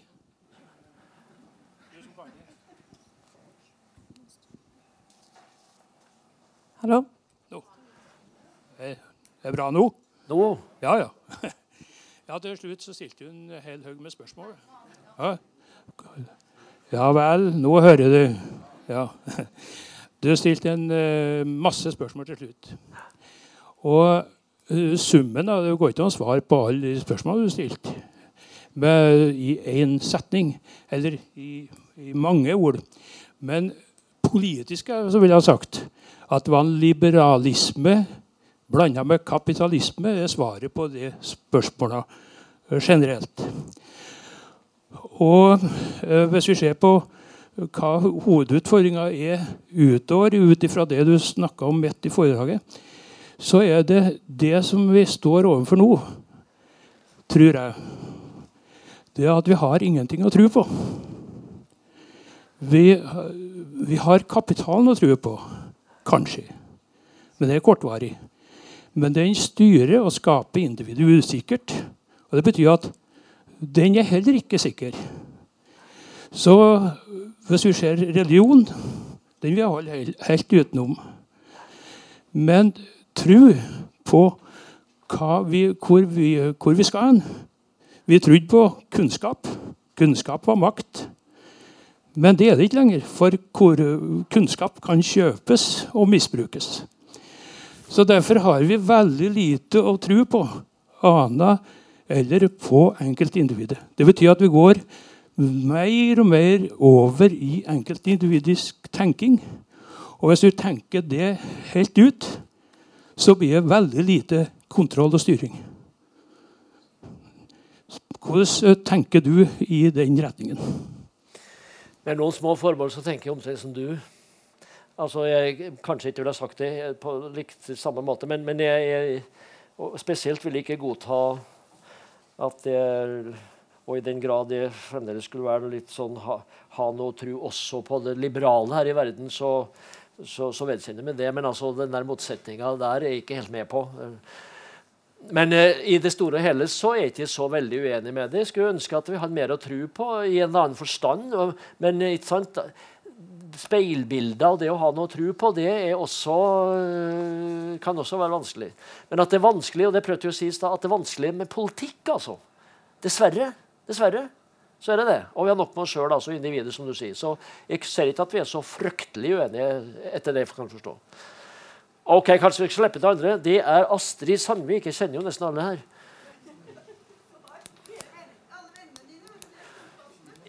I disse OL-tider så skal dere klare at Astrid Sandvik tok bronse i Jo, var det VM eller var det OL? Utfor eller slalåm? Jeg har vært med mye utfor og slalåm i OL og VM. Ja, ja. ja. Ok. Ja. Ja. Uh, tusen, tusen, takk. Det var veldig spennende. Det, var, det er ett begrep jeg ikke fikk med meg, som jeg usikker på om du problematiserte rundt. Og det er hvordan har vi forholdt oss til materialisme gjennom disse tidene? Har det vært konstant? Har vi vært like opptatt av materielle ting som vi tilsynelatende er, er, i dag? Det snakkes om uh, at det er kapitalisme, og det kalles bedriftseier og jeg vet ikke hva. Men det er også noe med dette begrepet materialisme. Veldig viktig og, og såkalt godt spørsmål. når har vanskelig med å svare på det. Men uh, ja, jeg mener vel at det indirekte har vært inne på det hele veien. Men det du sikter til, og som jeg da i så fall er enig i, er det at akkurat på den dimensjonen materialisme så er det ikke noen stor forskjell på det faste moderne og det flytende moderne. Det er bare at I det faste moderne så var det en viss statskapitalisme. Så, men altså hangen og appetitten på vekst og framskritt var like stor. Og så kom den til å bli minst like stor selvsagt under markedet. Så sånn sett så er det jo det der et, et lite sånn, Det er ikke alle som liker å høre det, men eh, sånn sett, og det her er mange som har pirka borti bort selve marxismen ikke sant, som altså materialisme. Det, og, og, det kan vel jeg for så vidt si meg enig i, men det er en materialisme med fordeling og et annet sosialt uh, aspekt ved seg enn kap, en, en kapitalismen. Såpass politisk, politisk, må jeg kunne være å si. Ja, Ålreit. Det var Bjørn Rød. Har du noen olympiske øvelser, du? Nei. Alle vi er besteforeldrenes klimaaksjon. Ja. Nei, mitt spørsmål er, Du nevnte nyliberalismen én gang i starten av den 70-80-årsperioden. Men det ser for meg ut som nyliberalismen er det man må på en måte Hvis man vil kritisere mye av den siste tids utvikling, så vil jeg jo tro at det ligger i en kritikk av nyliberalismen som fenomen. Er du enig? Ja. Det overrasker meg bare at du sier at jeg ikke har nevnt det. eller at Jeg ikke har, jeg syns det lå veldig klart eh, som strømning under her, men eh, hvor mange ganger nevnte du? husker ikke. O ordet nevnte du én gang. Ja, Men du, ah, du, må vel ha oppfatta at jeg er nokså enig med det? Ja, men Grunnen til at jeg tar ordet, er jo at jeg ville minne ja. forsamlingen på at ja. det er noe vi hele tiden må kjempe mot. sånn at, at og, og, Sånn at Det er ikke bare på det individuelle nivået og sånn det dreier seg. Det, det, det, individene gjør, det er styrt av et overordnet politisk system som vi alle lever under. og som har tatt rotta på bl.a. Eh, Arbeiderpartiet, eh, sosialdemokratiet osv. Så, videre, så vidt jeg kan skjønne. De gikk på limpinnen på 80-tallet. Sånn sett så kunne det jo være det som var den nye tru. Altså at en slutter å tru ensidig, så ensidig på det materielle her i verden. Ok, Det var noen her. Var det Lisen? Ja. Ja, jeg, jeg savna jo enda et ord eller begrep eller fenomen, nemlig feminisme. Det har jeg ikke hørt at du har nevnt. Du nevnte kvinnefrigjøring veldig kort. Det har jo vært veldig, veldig viktig i Norge. Norge har vært på Nor Norge har vært på toppen når det gjelder eh, kvinner i arbeid, kvinner i politikken. Um, på 70-tallet var det jo det begynte med at kvinner gikk ut i arbeidslivet. Kvinner forlot hjemmet, forlot barna, forlot mannen. Ble det flytende. Førte det til et flytende samfunn. At mm. kvinnene bare slapp alt de hadde i hendene, og gjorde noe helt annet. Mm. Jeg fikk noen sånne spørsmål. Mm. Um, så har det jo blitt tilsynelatende likestilling i landet vårt. Men uh, metoo-kampanjen som ja. ble nevnt her, har jo vist at det er jo kanskje ikke sånn som vi har trodd. Men allikevel, jentene stormer frem. Det er jentene nå som dominerer universiteter, eh, utdanning, eh, høyere stillinger innenfor jus, medisin, prestisjeyrkene. Og guttene går det ikke riktig så bra med. Noen er faktisk bekymra for hvordan det skal gå med guttene. Dette lurer jeg litt på hva du tenker om. Nei, jeg skal liksom ikke begynne å gå i forsvar og si at jo, nei.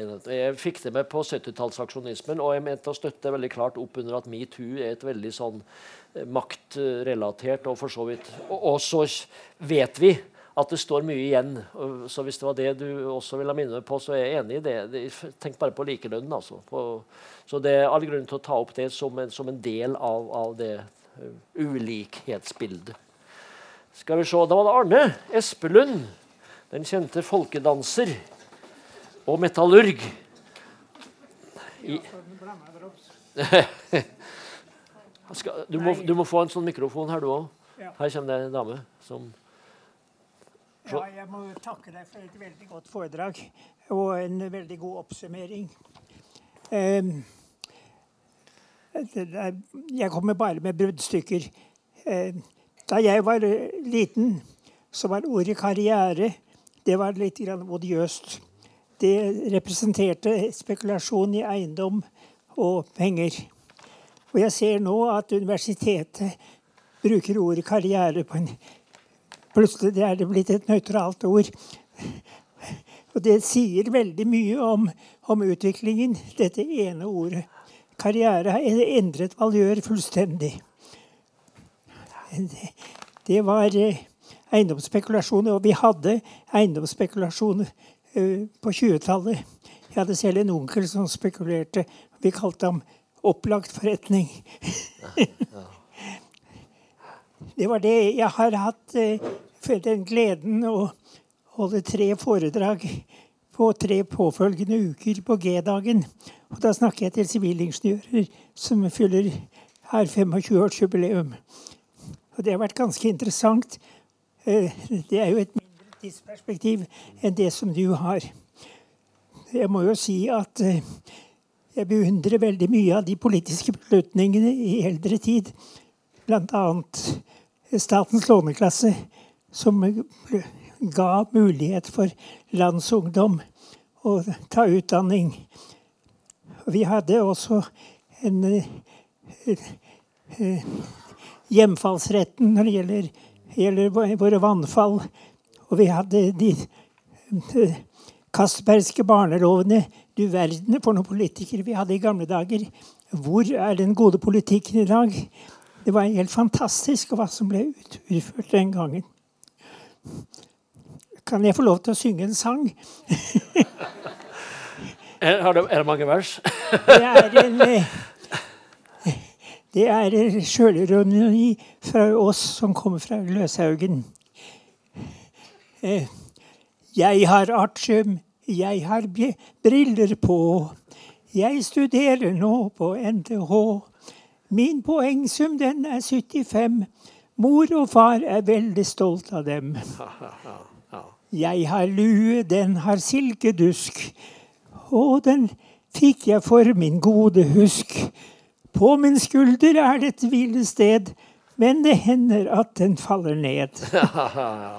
Jeg har akademisk borgerbrev, og det kostet meg en masse strev.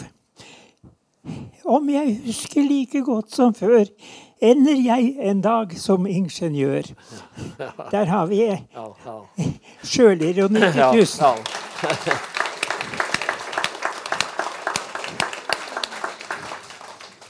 Nei, en liten en ting som har forbauset meg, det er eh, Hvis vi går tilbake til 20-tallet eh, og tiden framover, eh, så vi hadde Nei, overalt. Etterkrigstiden. Vi hadde jo et Vi hatet jo alt som hadde med Tyskland å gjøre. Og i løpet av noen få år så ble dette hatet overført til Russland. Det er akkurat som det er en psykologisk kjempesprang som er gjort. Det er akkurat som vi, også vi vil gjerne ha en, en fiende til enhver tid. Det er jo det som karakteriserer USA. USA kan ikke leve uten å ha en fiende som dermed sørger for at man får store budsjetter for militær opprustning. Men også vi har faktisk er, er litt grann resultat av samme type tenkning på den tiden. Takk for meg. Mm -hmm. Ja, vi nærmer oss vel sånn sett slutten, og det er godt med at det skulle kunne være det siste ord. Uh, jeg tror kanskje vi kan gjøre det. For jeg tror ikke vi kommer så veldig mye lenger. Det der bildet kan selvsagt få lov til å stå. Du kan ta den der. Jeg tenkte å si at, at jeg håper inderlig at liksom, hovedbildet, hovedinntrykket av det jeg har sagt, er at det, det er liksom ingen Det er ikke enkelt, det her. Det er ikke liksom på den ene og på den andre side at alt er bra der og alt var bedre før. Altså, det er langt mer komplisert og sammensatt, og det er det bildet jeg vil prøve å skape. Så det, det vokser kanskje ikke noe tre liksom inn i himmelen helt uh, enkelt. Men altså, takk for i kveld.